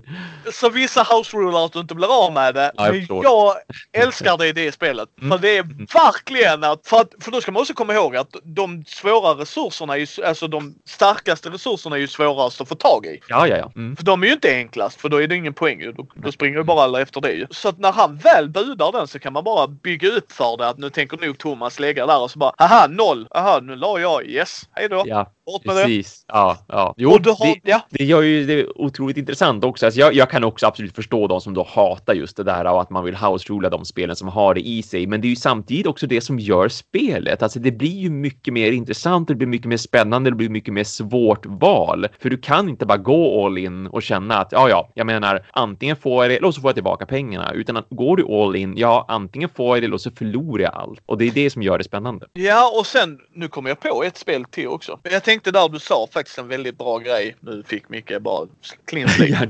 Ja. Jätte, jättebra. Jo, house rule. Det ska vi också säga. Där har Ja, vi. mm. När vi säger house rule så menar vi husregler. Ja. Och det menar sig att när man, man lägger till eller tar bort en regel till ett spel som man själv har kommit på. Och ja, många människor har gjort detta utan att tänka på det. För att många människor spelar Monopol väldigt fel. Ah, ja, precis. Ja. Mm. För att när du går på fri parkering så får du inte några pengar. Det är bara att det inte Nej. kostar dig något. Mm, mm, Eh, Så när folk säger att man ska lägga pengar i mitten varje gång man ska betala något Mm. som inte är till en spelare, det är en husregel. Och det är därför Monopol tar alldeles för lång tid att spela. Men jag kom på ett annat bra spel, For Sale. Ja, ja, absolut. Jo. Mm, mm. Hela mekaniken är ju bud, bud, buda. Ja. I början i alla fall. Sen så, Ja, men visst, sen vänder det ju lite grann och det är, det är också det som gör spelet intressant för övrigt. Mm. ja, så att eh, det gillar jag. Och det, visst, det kommer i en onödigt stor låda. Men du Ja, kan ju, ja, men du kan ju lägga ner det en påse. Ja, ja och, och det, det, har sett större, mer onödiga lådor. Man, jag förstår ändå att, att de vill att det ska synas lite bättre på hyllorna därför att det är så, såklart, det är ju så man marknadsför spel många gånger också. Att eh, ju större låda, desto mer syns det, desto mer uppmärksamhet väcker, alltså har man stor chans att sälja det. Sen är väl det kanske inte alltid så sant, men, men liksom, i, i just fallet med, med For Sale så kan jag ändå köpa det för att lådan är nog inte så överdrivet supergigantisk proportionerad så, som många andra spel har. Nej, och sen hade de en standardgrej Ja, det där. också. Mm, mm. Eh, sen har vi ju då eh, bettingspel. Mm. Eller spel och dobbel om vi ska ta den svenska versionen. Men det är inte så illa som man tror. Men det är att eh, du satsar dina egna resurser för att vinna. Ja. Mm. Du har Wits and Wagers som gör detta väldigt bra. Har du spelat Wits and Wagers? Nej, det har jag ju inte. Nej. Nej, det är ju ett frågesportspel. Men till skillnad från TP så är det ett bra frågesportspel. Ja, ja. för, för TP, Travel Pursuit för folk, vinner den som är mest allmänbildad. Ja, punkt. Ja. Punkt. Medan i Wits and Wagers så gör de en ny grej där att där kommer upp ett påstående som har med siffror att göra. Mm. Och sen så ska man då skriva ner sina siffror. Så till exempel hur många i Sverige är vänsterhänta? Eller så mm. till exempel. Eller så frågar de i världen, det är ett amerikanskt spel. Så hur många i världen är vänsterhänta? Så många procent då. Ja, och så sitter vi alla så vet vi att Thomas han är en femjäkel på det där. Så skriver han en grej. Ja. Så skriver vi andra grejer. Sen ska man lägga upp det. Och sen beroende då på vad folk har skrivit ska man lägga upp det på spelplanen då för man har en Mm. sån typ en Mm. Påbuk eller vad man ska säga. Sen ska man saxa sina poäng på vem man tror har rätt. Vem som Ah, är okej. närmast. Ja, Ja. just det. Så vet jag då att ja, men Thomas han, ja, han har bra koll på det här. Ja, ja. Då lägger jag mina där. Mm, mm, mm. Och då, och då vet jag att det är folk som kommer att säga att ja men du kan ju metaspela det. Jo men metaspelar du ett frågesportspel så ska du inte få spela frågesportspel. faktiskt, ja. Faktiskt. Fel spel. och- för, så. precis, alltså då går du, går du mot principen av spelet. Var, snälla, det är Ja. inte viktigt att vinna på det sättet. Det, men det, det gör det spelet väldigt intressant för att vet man att han brukar ha koll eller hon, hen har bra koll på det här, då satsar vi där. Mm. Och då får man, eh, beroende på eh, hur nära man är det, för spelet kommer också, för man ska komma så nära resultatet som möjligt, men spelet har alltid default, antingen det högsta eller det lägsta har jag för mig. Nej. Så att du alltid liksom så här kommer emellan. Och det gillar jag. Mm, mm. Eh, väldigt bra frågespel. Och sen har du Camel Up. Ja, vad roligt det är. Ja. Oj, den bettingen.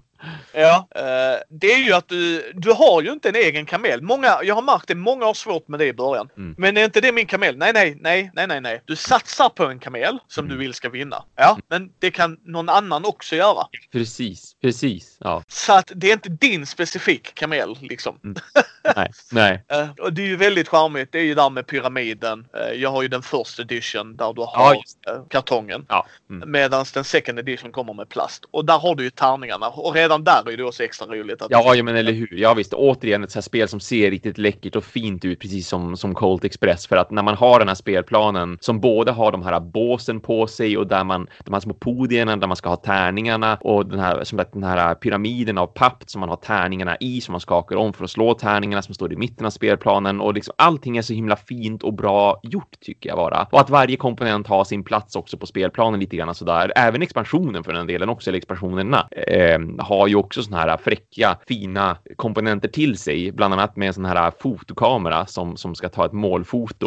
Och det är ju en kamera som man bygger upp som en sån här gammaldags kamera, du vet, där, där eh, det ser nästan ut som ett halvt dragspel och du har en sån här svart duk som du gömmer dig under för att kunna ta den här bilden. Att de har ställt en sån vid, vid, eh, vid ja, någonstans på spelplanen. Det behöver inte vara mållinjen för den delen. Man kan ställa ut den där man vill ställa ut den. Eh, men den är också byggd i papp och den ja, tillför då eh, extra spelmekanik. Så att även expansionen har så här, eh, de tänker hela tiden på estetiken också, designen och sånt är kul tycker jag. Det, det ger väldigt mycket till Camela som ändå är ett väldigt superenkelt spel annars. Ja, och kids kan spela det. Ja, Återigen, jag gillar det. mm. Vi hoppar vidare. Eurogames har vi här. Ja, visst, visst. Vi har ju redan nosat lite där eh, på när vi har sagt så här. Ja, men det här spelet har euromekanik och, och vad överraskande att Gloomhaven hade euromekanik och så där. Så att vi har ju slängt oss med termen och när vi pratade, eller framförallt när jag sa det här med att Ameritrash och Fantasy Flight Games, men att på de senaste åren så man har ju sett mer och mer hur bryggan mellan Ameritrash och Eurogames liksom det flödar in i varandra. Att Eurospelen börjar ta från Ameritrash-spelen och Ameritrash-spelen tar från Eurospelen. Så det kan väl vara bra att reda ut det också. Ja, och Eurogames är där tematik är minst viktigt egentligen. Alltså Mm. du, det, mekanikerna är det viktigaste. Ja, ja motsatsen till Ameritrash. Precis,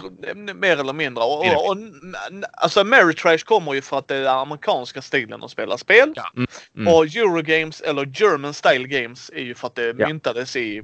Catan är ju en av de första. Mm. Och det var ju Catan i all ära. Inget spel jag spelar längre men det har Samma gjort här. sitt. Ja, ja. Och jag tycker det är ett bra spel. Det är bara att det är inte min typ av spel. Nej, Nej, Jag, men jag har gått vidare. Absolut. Mm. Eh, sen har vi ju Keyless, vi har Panamax. Alltså jag Mm. bara tittar på min hylla. Power Grid är ett Eurogame. Ja, visst, visst, väldigt mycket. Mm. Mm. För att även om temat som jag tycker ändå de lyfter fram där. Mm. eh, Absolut. Så, så i princip hade du kunnat byta ut det egentligen. Ja, ja men det, det är lite grann som, som Lords of Waterdeep. Det, det, det tycker jag också. Det är väldigt mycket euro, men de har ju ett tema som är fantasy, som är Dungeons and Dragons. Men det är ju inte fantasy eller Dungeons and Dragons. Det är bara fullkomligt påklistrat. Men det gör ju tillräckligt mycket för att man ska kunna locka då folk som tycker att Eurogames är torrt och tråkigt och bara träkuber. Och så kan de ändå se den här fantasy-tråden liksom rakt igenom spelet och tycka att det är intressant på grund av inte så mycket vad de gör som hur de gör det. Att man rekryterar de här äventyrarna för att gå på uppdrag. Men egentligen så samlar du ju bara träkuber som du slänger iväg för att få poäng.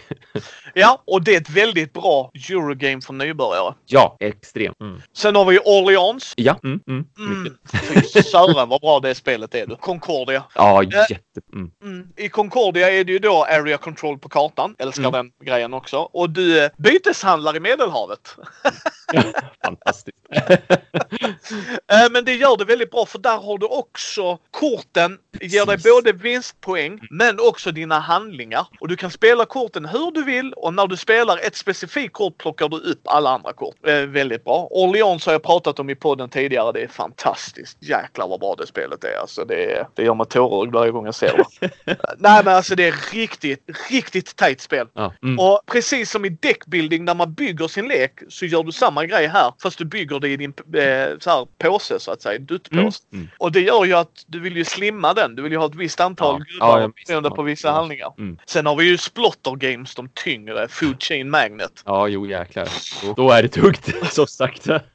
Där jag gillar det. Där är, alltså vi kan prata om Eurogames hela dagen. Men det Jo, är jo, men liksom... Ja, men det, det som är med Ameritrash-spelen också, att det är ett väldigt brett ändå, en väldigt bred typ av spel. Du kan hitta Eurogames som kan ta en kvart att spela, du kan hitta Eurogames som tar flera, flera timmar att spela, du kan hitta ett Ameritrash-spel som tar en kvart att spela eller flera timmar att spela. Och de kan vara oerhört, oerhört olika varandra. Så att eh, det, det finns mycket att upptäcka, alltså både för Ameritrash och Eurogame, oavsett vad man gillar, oavsett vad man tycker om det. Man ska verkligen inte dissa det ena eller det andra rakt av, utan man måste verkligen utforska lite grann där, därför att det, det finns så mycket att, att hämta där. Och som sagt, spelen flyter ihop, eller spelen, men de två typerna av spel flyter ihop väldigt mycket numera också, så man kan hitta något som har ett häftigt tema, som har bra spelmekanik och något som har bra spelmekanik som har ett trevligt tema till sig också. Ja, alltså där är som sagt, det är som eh, Thomas sa, det är, det är en bred tarm. Mm. Och det är väldigt svårt att sitta och förklara exakt vad Eurogame som gör ett Eurogame. Mm. För Mm. när du är inbiten i hobbyn som Thomas och jag gör, är, Mm, mm. så kommer det naturligt. Men Ja. det,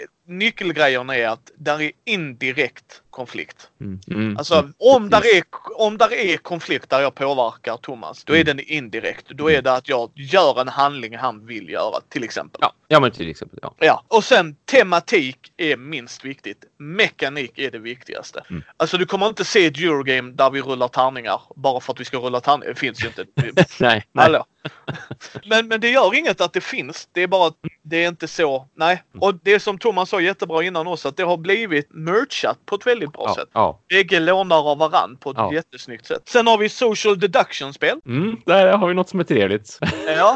Väldigt speciellt. ja, och det är ju då att man har en roll, hemlig roll, och man är i lag, men man vet inte vem man är med i lag. Förutom att skurkarna, Stora kaniner ja, Margot, ja. motstå- ett av motståndarsidan, de vet vilka de är med. Ja, precis. Och där har vi, re, vad heter det, Revolution. Ja, eh, res, eh, Revolution.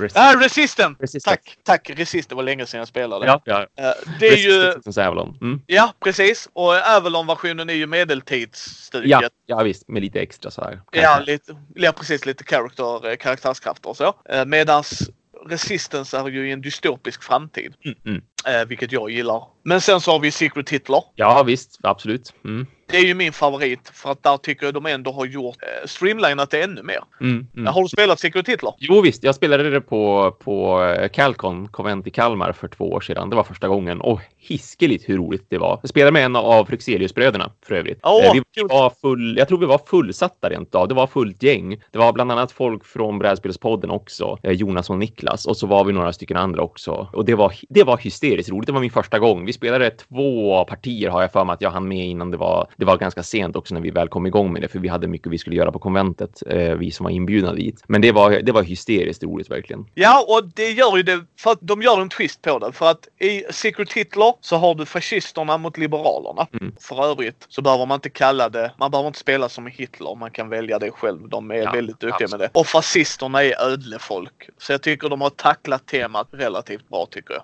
Mm. För det är ju en mörk tidsepok. Ja, Men ja. Mm. Eh, Då, då är det ju så att Liberalerna vinner om de får ett visst antal goda lagförslag genomförda. Medan fascisterna vinner om de får sina lagförslag genomförda. Eller om de lyckas välja Hitler till riksmass, alltså att den högsta positionen.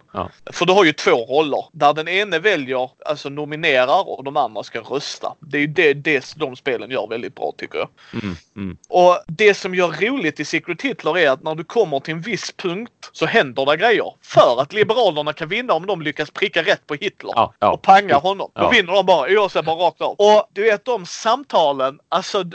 Man, nej, alltså det är folk som nästan har alltså, strypit andra människor. Bara, mm, liksom. har du ljugit för mig i sex runder? Klart jag har. Ja, ja jag, jag fick höra från en, en ny kollega hos oss på World of Peter. Han berättade, eh, det var helt fantastiskt Fantastiskt verkligen. Jag har för mig det var Secret Hitler, men det kan faktiskt vara The Resistance. Men hur som helst, eh, det är ju som mer eller mindre samma, samma sådär. Han var på en spelkväll en gång där han hade ingen aning om vad de skulle spela. Han var inbjuden och så när han kommer innanför dörren, då berättar de då att vi ska spela det här. Och jag undrar om, jag har för mig att det var Secret Hitler. Har du spelat det? Och han bara, nej, vad är det för något? Han ljuger. Han har spelat det, han har full koll på reglerna, han har full koll på spelas. Han börjar redan där att spela spelet. Och de andra bara, jaha, oh, men du, det är ett sånt här typ av spel. Man spelar det så här, man har de här rollerna. Jaha, okej, ja, det låter ju, ja, men det låter intressant så här. Och det är första spelare som spelar just Secret Hitler och The Resistance och de typerna av spelen första gången, de gör ju vissa misstag och det är lite svårt att komma in i rollen och de är oftast ganska oskyldiga. Och han lyckas ju lura varenda en där inne i rummet. Och han får dessutom att han fick rent av den rollen om han då blev Hitler eller om det var att han blev odning på något vis och lura allihopa liksom och bara, bara kammar hem det här tillsammans med dem, det sina så att säga då. Och det var så himla roligt för då när han sen, sen säger det i slutet bara, alltså jag måste erkänna en sak också nu när vi har vunnit då. Jag har spelat det här jättemånga gånger. Jag började, jag, ljug, jag började ljuga direkt jag kom in i rummet.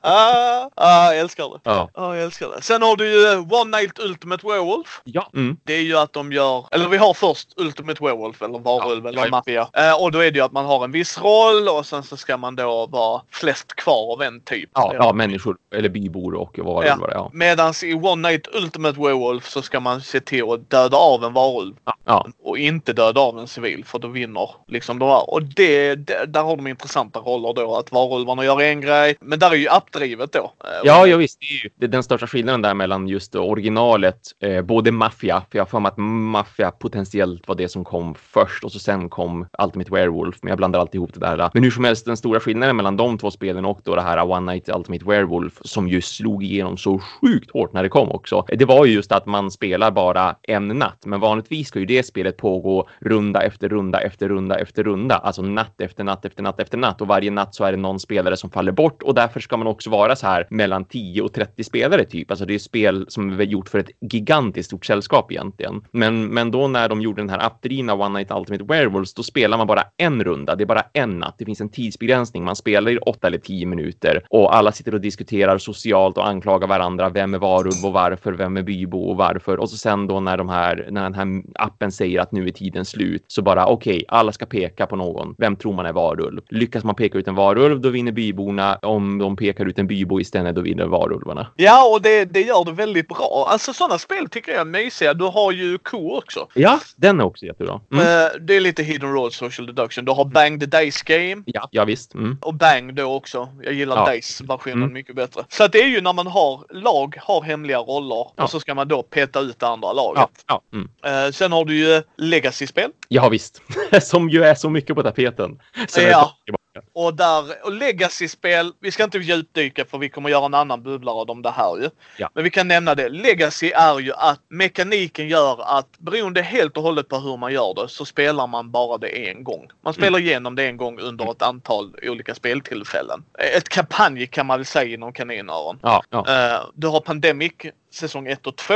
Mm. Du har, eh, som du sa innan, innan vi började spela in och jag håller med dig. Du har ju Time Stories. Ja, det är visst. typ av en kampanj. Alltså sådär. Ja, mm. Du kan spela av, alltså i Pandemic så river du kort. Jo, och- jo, men precis. Ja, många gånger förstör man ju rent komponenterna. Gloomhaven är ju samma sak. Man ska ju riva komponenter och tillsätta nya komponenter. I Time Precis. Stories förstör man ju ingenting, så det går ju att spela om för andra, men inte med den spelgruppen man har och inte Nej, tidigt. precis. Eh, sen har du ju då Exit. Spelen Ja. vill också påstå det. Eh, Mm. Inte... Ja, Unlock kanske? Ja, Ja, inte? jo, men precis, ja, precis. Unlock och, och Exit-spelen, de är ju som ändå lite samma typ av spel. Just det här med att man ska ta, det är ett escape room i kortspelsformat, liksom att försöka ta sig ut från ett rum eller fly från en plats åtminstone, för det behöver ju inte alltid vara ett rum. Det kan vara en ö eller vad det nu är för någonting. Eh, men just att man ska ta sig ut därifrån och man ska lista ut hur man gör det. Eh, det. Det är väl där som just den här begreppet legacy, att vissa menar på att ja, men det ska vara kampanjen, du ska förändra spelet, spelet ska pågå under en viss tidsperiod så att säga, både liksom i spelet men också för er som spelar, att det är det som är den här legacy-delen. Ni bygger någon slags legacy under tiden som ni spelar. Och, och exit-spelen och unlock-spelen för all del, visst, man spelar dem, de är färdiga, man går vidare till nästa spel och de är sällan ihopkopplade. Men det beror på. En del tycker ju att legacy-grejen är just det här med att spelet är föränderligt på något vis och det är ju exit-spel och unlock-spel i allra högsta grad i och med att man har olika sätt att tackla problemen på och att man, man eh, kanske inte behöver se alltihopa och att man just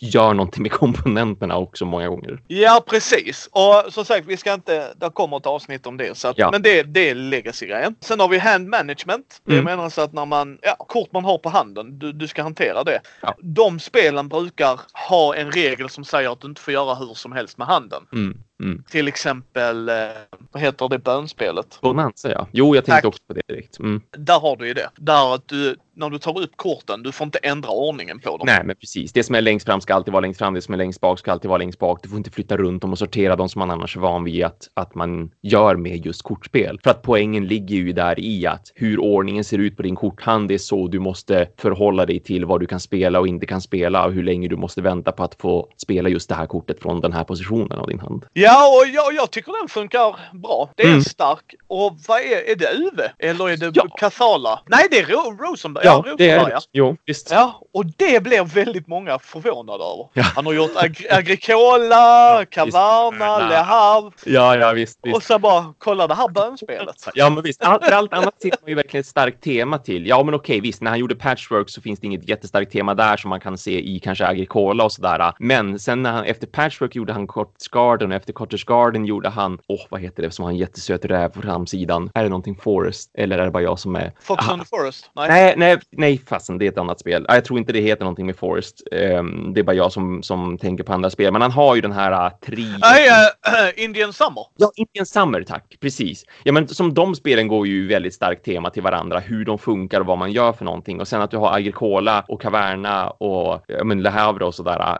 så här typiska arbetarplaceringsspel med resurshantering och sådär. De, de hör ju också väldigt ihop till varandra. Och så har han gjort Bonanza. så handla med resurser och, och få odla bönor. Ja, nej jag tycker det är... Men det, det är vad hand management gör folk. Ja. Alltså att de har en regel som gör att du inte får hantera handen hur som helst. Det kan till exempel vara, jag skulle påstå sådana spel där beroende på hur du spelar ut korten. Mm. Sen när du liksom, vissa gånger så blandar du inte om leken utan du bara vänder den upp och ner. Ja, men visst. Ja, mm, det. Mm. Det skulle jag väl ändå eh, kategorera lite som hand management. Sen har vi en eh, tail laying. När vi Mm. har den så är det ju att man, ja ska vi ta den, granddaddy of them all som av Ja, någon anledning fortfarande säljer är ju Carcassonne. ja, Carcassonne. Jo då. Brickläggarnas brickläggarspel nästan. ja, och det, det, är ett bra nybörjarspel. Ja, men det är det verkligen. Ja, visst. Och här är grejen. Även om jag inte spelar det väldigt ofta. Så mm. när, om, om jag skulle komma och hälsa på dig och din partner eller en kompis mm. eller en brorsa eller så här, och han, han älskar det. Så även som Eurogamer tycker jag att du får intressanta val. Ja, där är slump med tanke på att du bara får dra en bricka. Där kan man göra en husregel precis som i Tsuro att man har tre istället. Ja. Det är vad vi brukar göra bara för att du ska ha mer val. Mm. För då blir det inte bara jaha, väg igen. Precis. Nej men precis. Aha, ja. väg igen. Ja. Ja. Nej, för det är det som gör det intressant. Och vad vi menar då med tiling, det är att man tar en bricka och placerar ut en bricka. Att den modellerar spelarbrädet på ett sätt. Det kan vara mm. antingen att man bygger en karta eller det kan mm. också vara att du liksom bygger någonting på din. Mm. Liksom. din spelplan eller ditt spelområde. Det behöver inte vara en spelplan. Men... Nej, precis. Det behöver inte vara den stora. Till exempel Sura är ett tile laying game också. Ja, absolut. Precis, det är det. Mm. Så i Carcassonne är det ju då att det, där är tre olika sätt att få, nej förlåt fyra. Nu kör vi inte med de sju ton expansioner. Precis.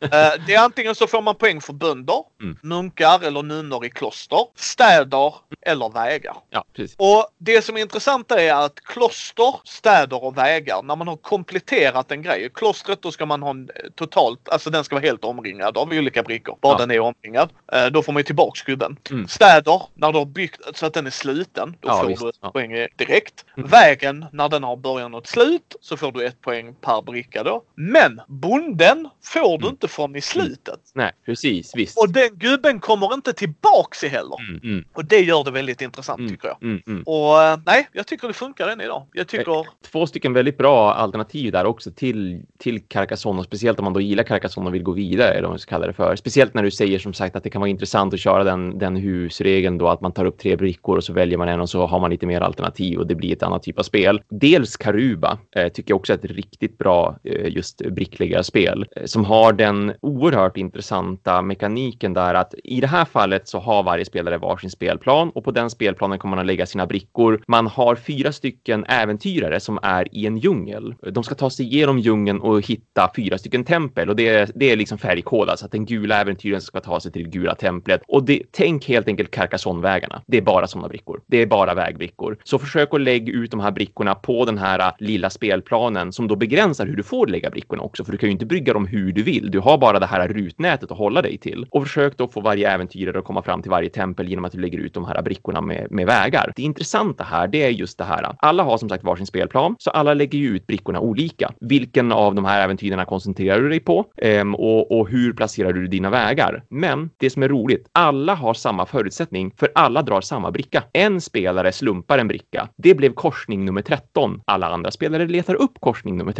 Deras brickor är sorterade. Aha. Och sen lägger alla ut korsning nummer 13, men precis som man själv vill. Oh. Och så drar man en ny bricka. En spelare slumpar det då, för den spelaren har alla sina brickor i en hög eller i en påse. Nu vart det raksträcka nummer tre. Alla andra letar upp raksträcka nummer tre och så lägger man ut den där man själv önskar lägga ut den. Det andra som gör det här intressant, det är att det här är alltså hur man bygger vägarna, men du måste även flytta dina äventyrare. Pjäserna måste fysiskt nå templerna. Äventyrarna måste promenera längs med vägen du har byggt. Det räcker inte med att du bara ha en väg och kan säga den här vägen går från punkt A till punkt B, utan du måste flytta din äventyrare längs med vägarna också. Så när du har din bricka, när du har din korsning eller vad det nu är för någonting, kan du antingen lägga ut den på spelplanen eller slänga den.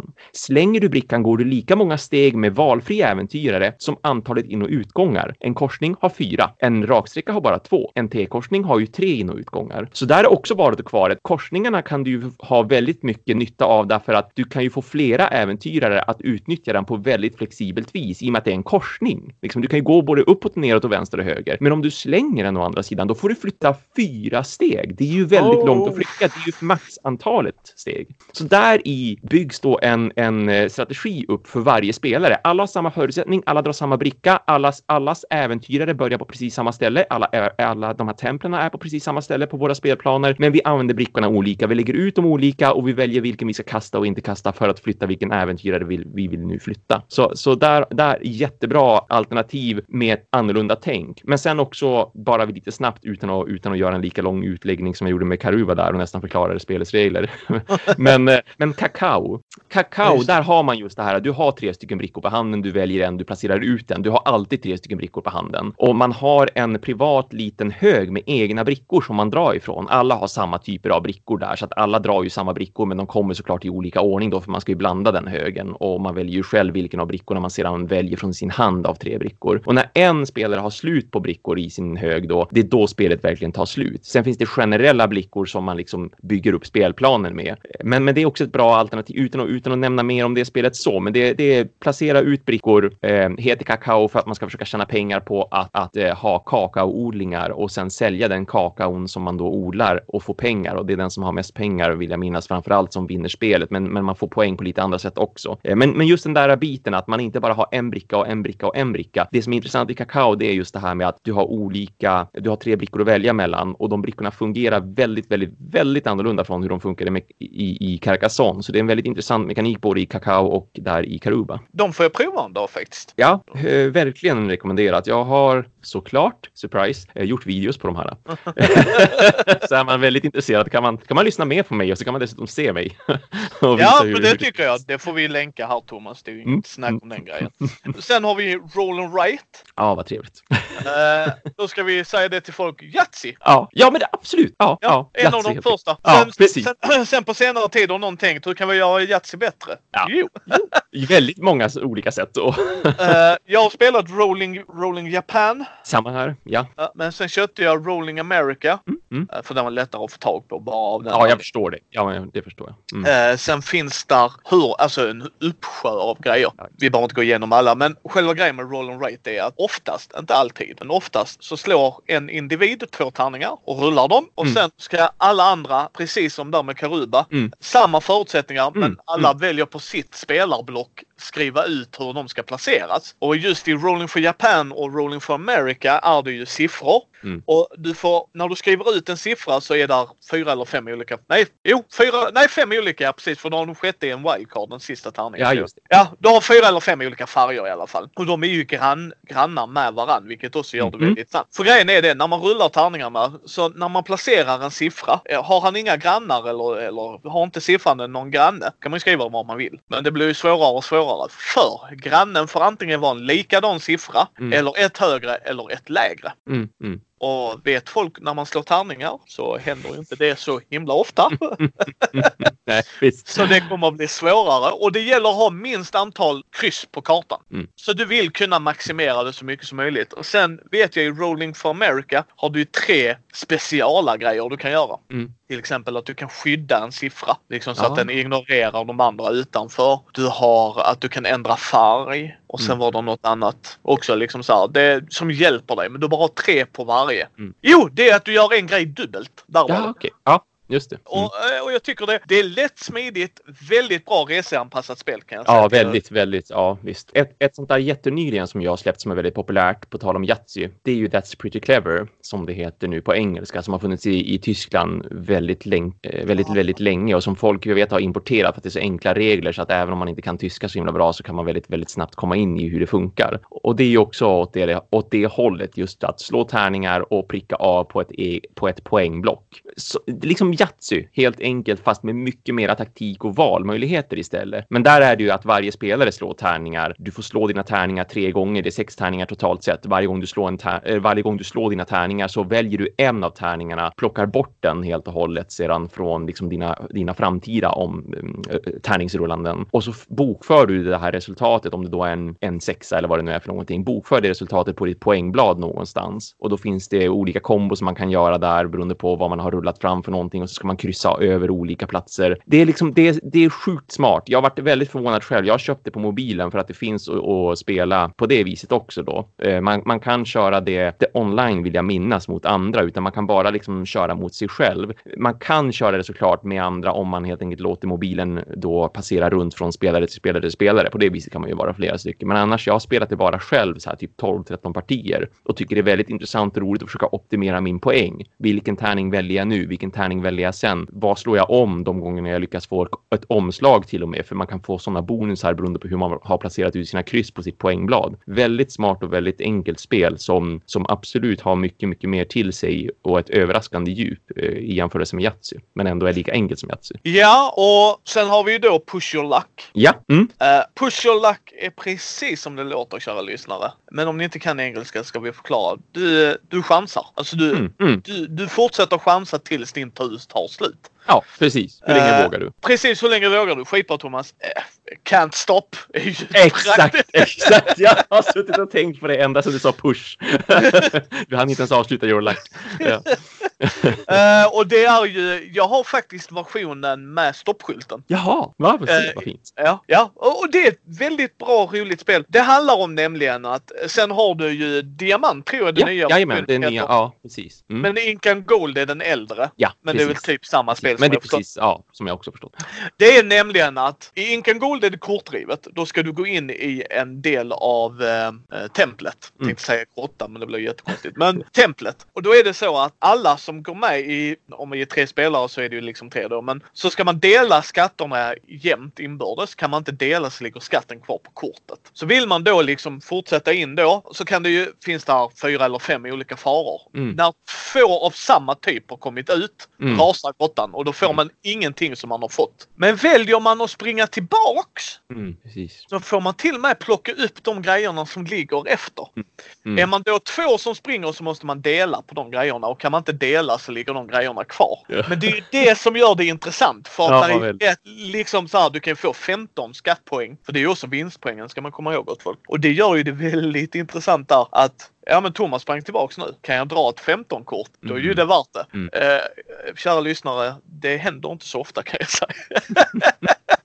För att du, du blir ju stackad. Alltså du, man kan köra lite där också. Vet man hur det fungerar så vet man oddsen också. Det är faktiskt rätt bra. Eh, men det är ett charmigt spel. Medan i Push Your Luck i Can't Stop är ju att du ska rulla tärningar. Och där är det ju att du ska ta dig från botten till toppen. Och i den senare versionen så är det bergsklättrare som jag förstått det Mm, som. japp, det. Medan jag har en stoppskylt liksom. Men då är det att du rullar fyra tärningar är det va? Mm, mm, fyra tärningar, precis. Yes, och du måste kunna flytta en av dina gubbar och du har tre gubbar. Mm. Och de måste komma till toppen. Och Mm. då ska du para ihop dem så det kan vara till exempel sju. Då finns det en sju-rad. Mm.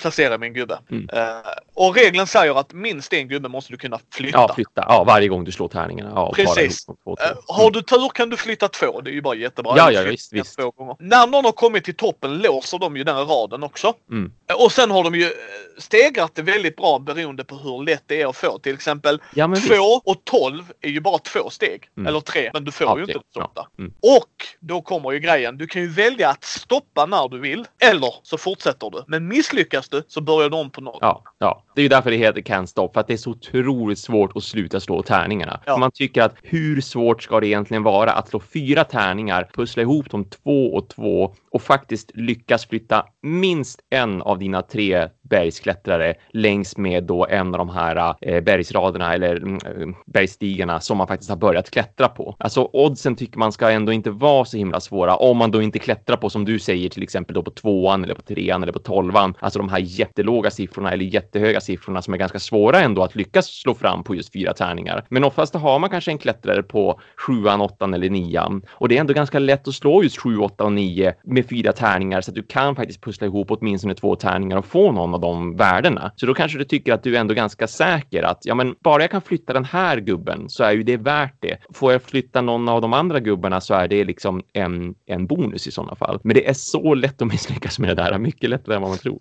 Ja, och det är som du säger. Det är ju väldigt roligt. Alltså jag kan ju säga, jag, jag, jag, jag kör alltid en Hail Mary. Jag, jag bara Ja. Jag vinner inte heller. Men du har ju faktiskt Zombie Days nu när jag tänker på det. Ja, visst, visst, det är också. Väldigt, väldigt bra resespel. Mm, mm. Och det är där det stannar. Ja.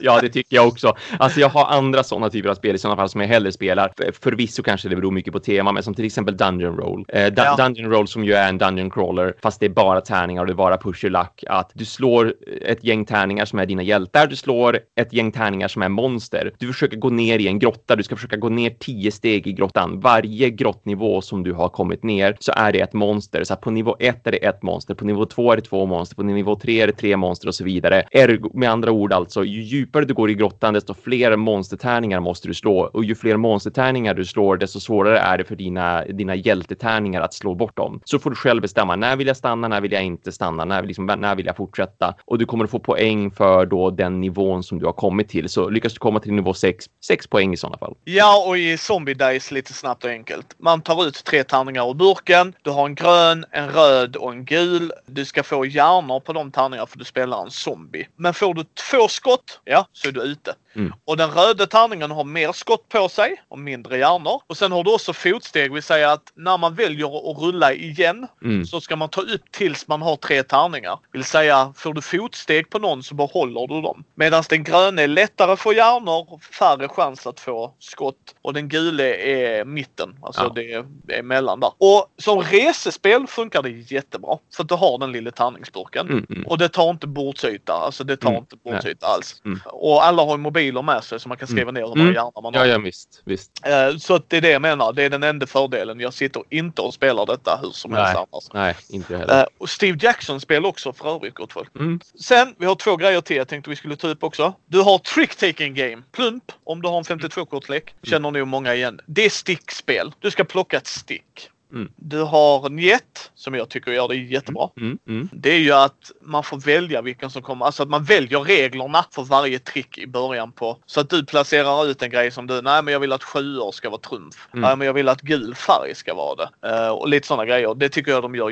jättebra. Mm. Uh, det yellow, helt okej låda faktiskt. Och sen har du Diamonds av eh, Stronghold Games. Ah, ja, ja, just det. Är ett sånt spel. Jag har tittat Ja. på det flera gånger, men jag har inte riktigt förstått vad det är för typ av spel. Nej, det är liksom att man ska samla stick. Det menas att man har kort på handen och hjärtor, där har vi det. För folk Ah. som spelar ett hjärta på dag. Det är ett stickspel. Ja. Att jag ska Mm, samla mm. på mig sticken eller inte. För det kan Mm. också vara i vissa spel vill du ju inte det. Nej, men visst. Eh, Mm. Och det, det gillar jag. Att man med hjälp av sina kort så ska jag, nu ska jag samla ihop de här grejerna. Jag vill vinna det här sticket. Mm. Eller så vill jag göra så att Thomas inte får det han vill ha. Mm. Mm. För att i vissa spel, inte alla, men i vissa spel så ska du satsa på hur många stick tror jag att jag kan ta. Mm. Och- Ja, just det. Ja, och då vill man ju inte ta för många eller för lite och då blir det lite så här. Mm, Mm, eh, mm. Då är du i hand management igen. Liksom, jaha, nu hur ska jag välja att spela det här? Det är väldigt charmigt tycker jag. Det har ju sin... Där är ju, du sitter ju inte med all kunskap och jag vet människor som vill ha all kunskap, då är inte stickspel för er.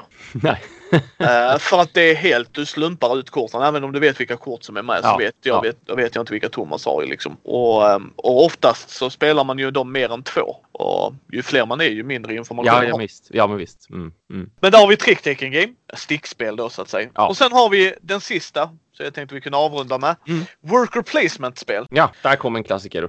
Ja, och det är ju att man sätter ut en gubbe och gör handlingen. Ja, så får du den. Det är Yes. liksom det mest basic när det kommer till eurospel i synnerhet. För jag, jag slängde mig ju med den termen där och då att jag sa arbetarplacering eh, Yes. som, som ju eh, Uwe Rosenberg är, är känd för också. Framförallt Absolut. liksom Agricola och eh, Caverna och sådär. Och där har vi ju verkligen, där, där tycker det är väldigt mycket av, ett, av hjärtat och kärnan i, i Eurogames. Alltså när jag tänker Eurogames så tänker jag framför allt på just arbetarplacering eller worker placement-spel. Just att du, du planerar precis vad du ska göra. Du vet precis vad du kommer att få. Det enda sättet det inte skulle hända på, det är just med den här indirekta konflikten som du nämnde, att oftast så kan ju bara en spelare ta den här handlingen där man placerar ut sin arbetare eller sin figur, vad det nu är för någonting. Så att om någon ställer sig på en sån ruta före jag ställer mig där, ja, då får jag hitta någonting annat att göra helt enkelt. Yes. Jag kunde inte samla in den här resursen just nu, eller jag kunde inte göra den här handlingen just nu. Jag fick inte spela ut det här kortet just nu för att någon annan hann göra det före mig.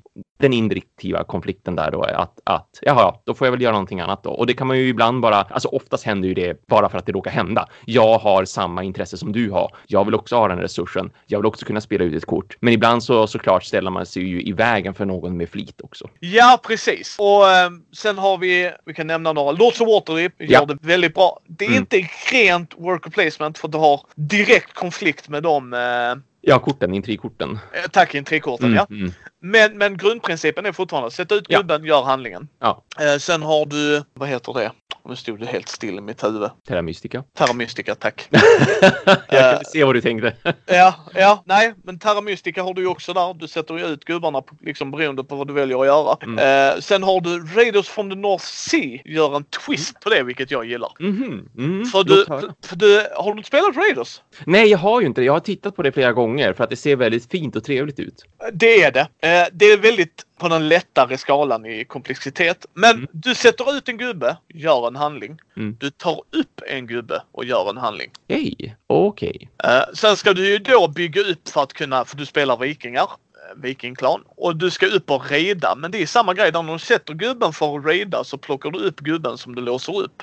Sen har du Mhm. tre olika färger som tre olika grejer kan göra. Mhm. Mm. Väldigt charmigt och faktiskt tillför någonting. Vi spelade faktiskt här för några dagar sedan. Mysigt, mysigt, mysigt spel. Kan rekommendera dig att prova det om inget annat. Absolut att jag vill. Mm. Så att det är det som gör det intressant. Du sätter ner gubben, gör handlingen, sen plockar du upp. Och där blir ju ordningen också väldigt viktig. Jag behöver pengar. Ja, men jag måste sätta ut en gubbe först. Jag har pengar på platsen är upptagen. Ja, Ja, yes.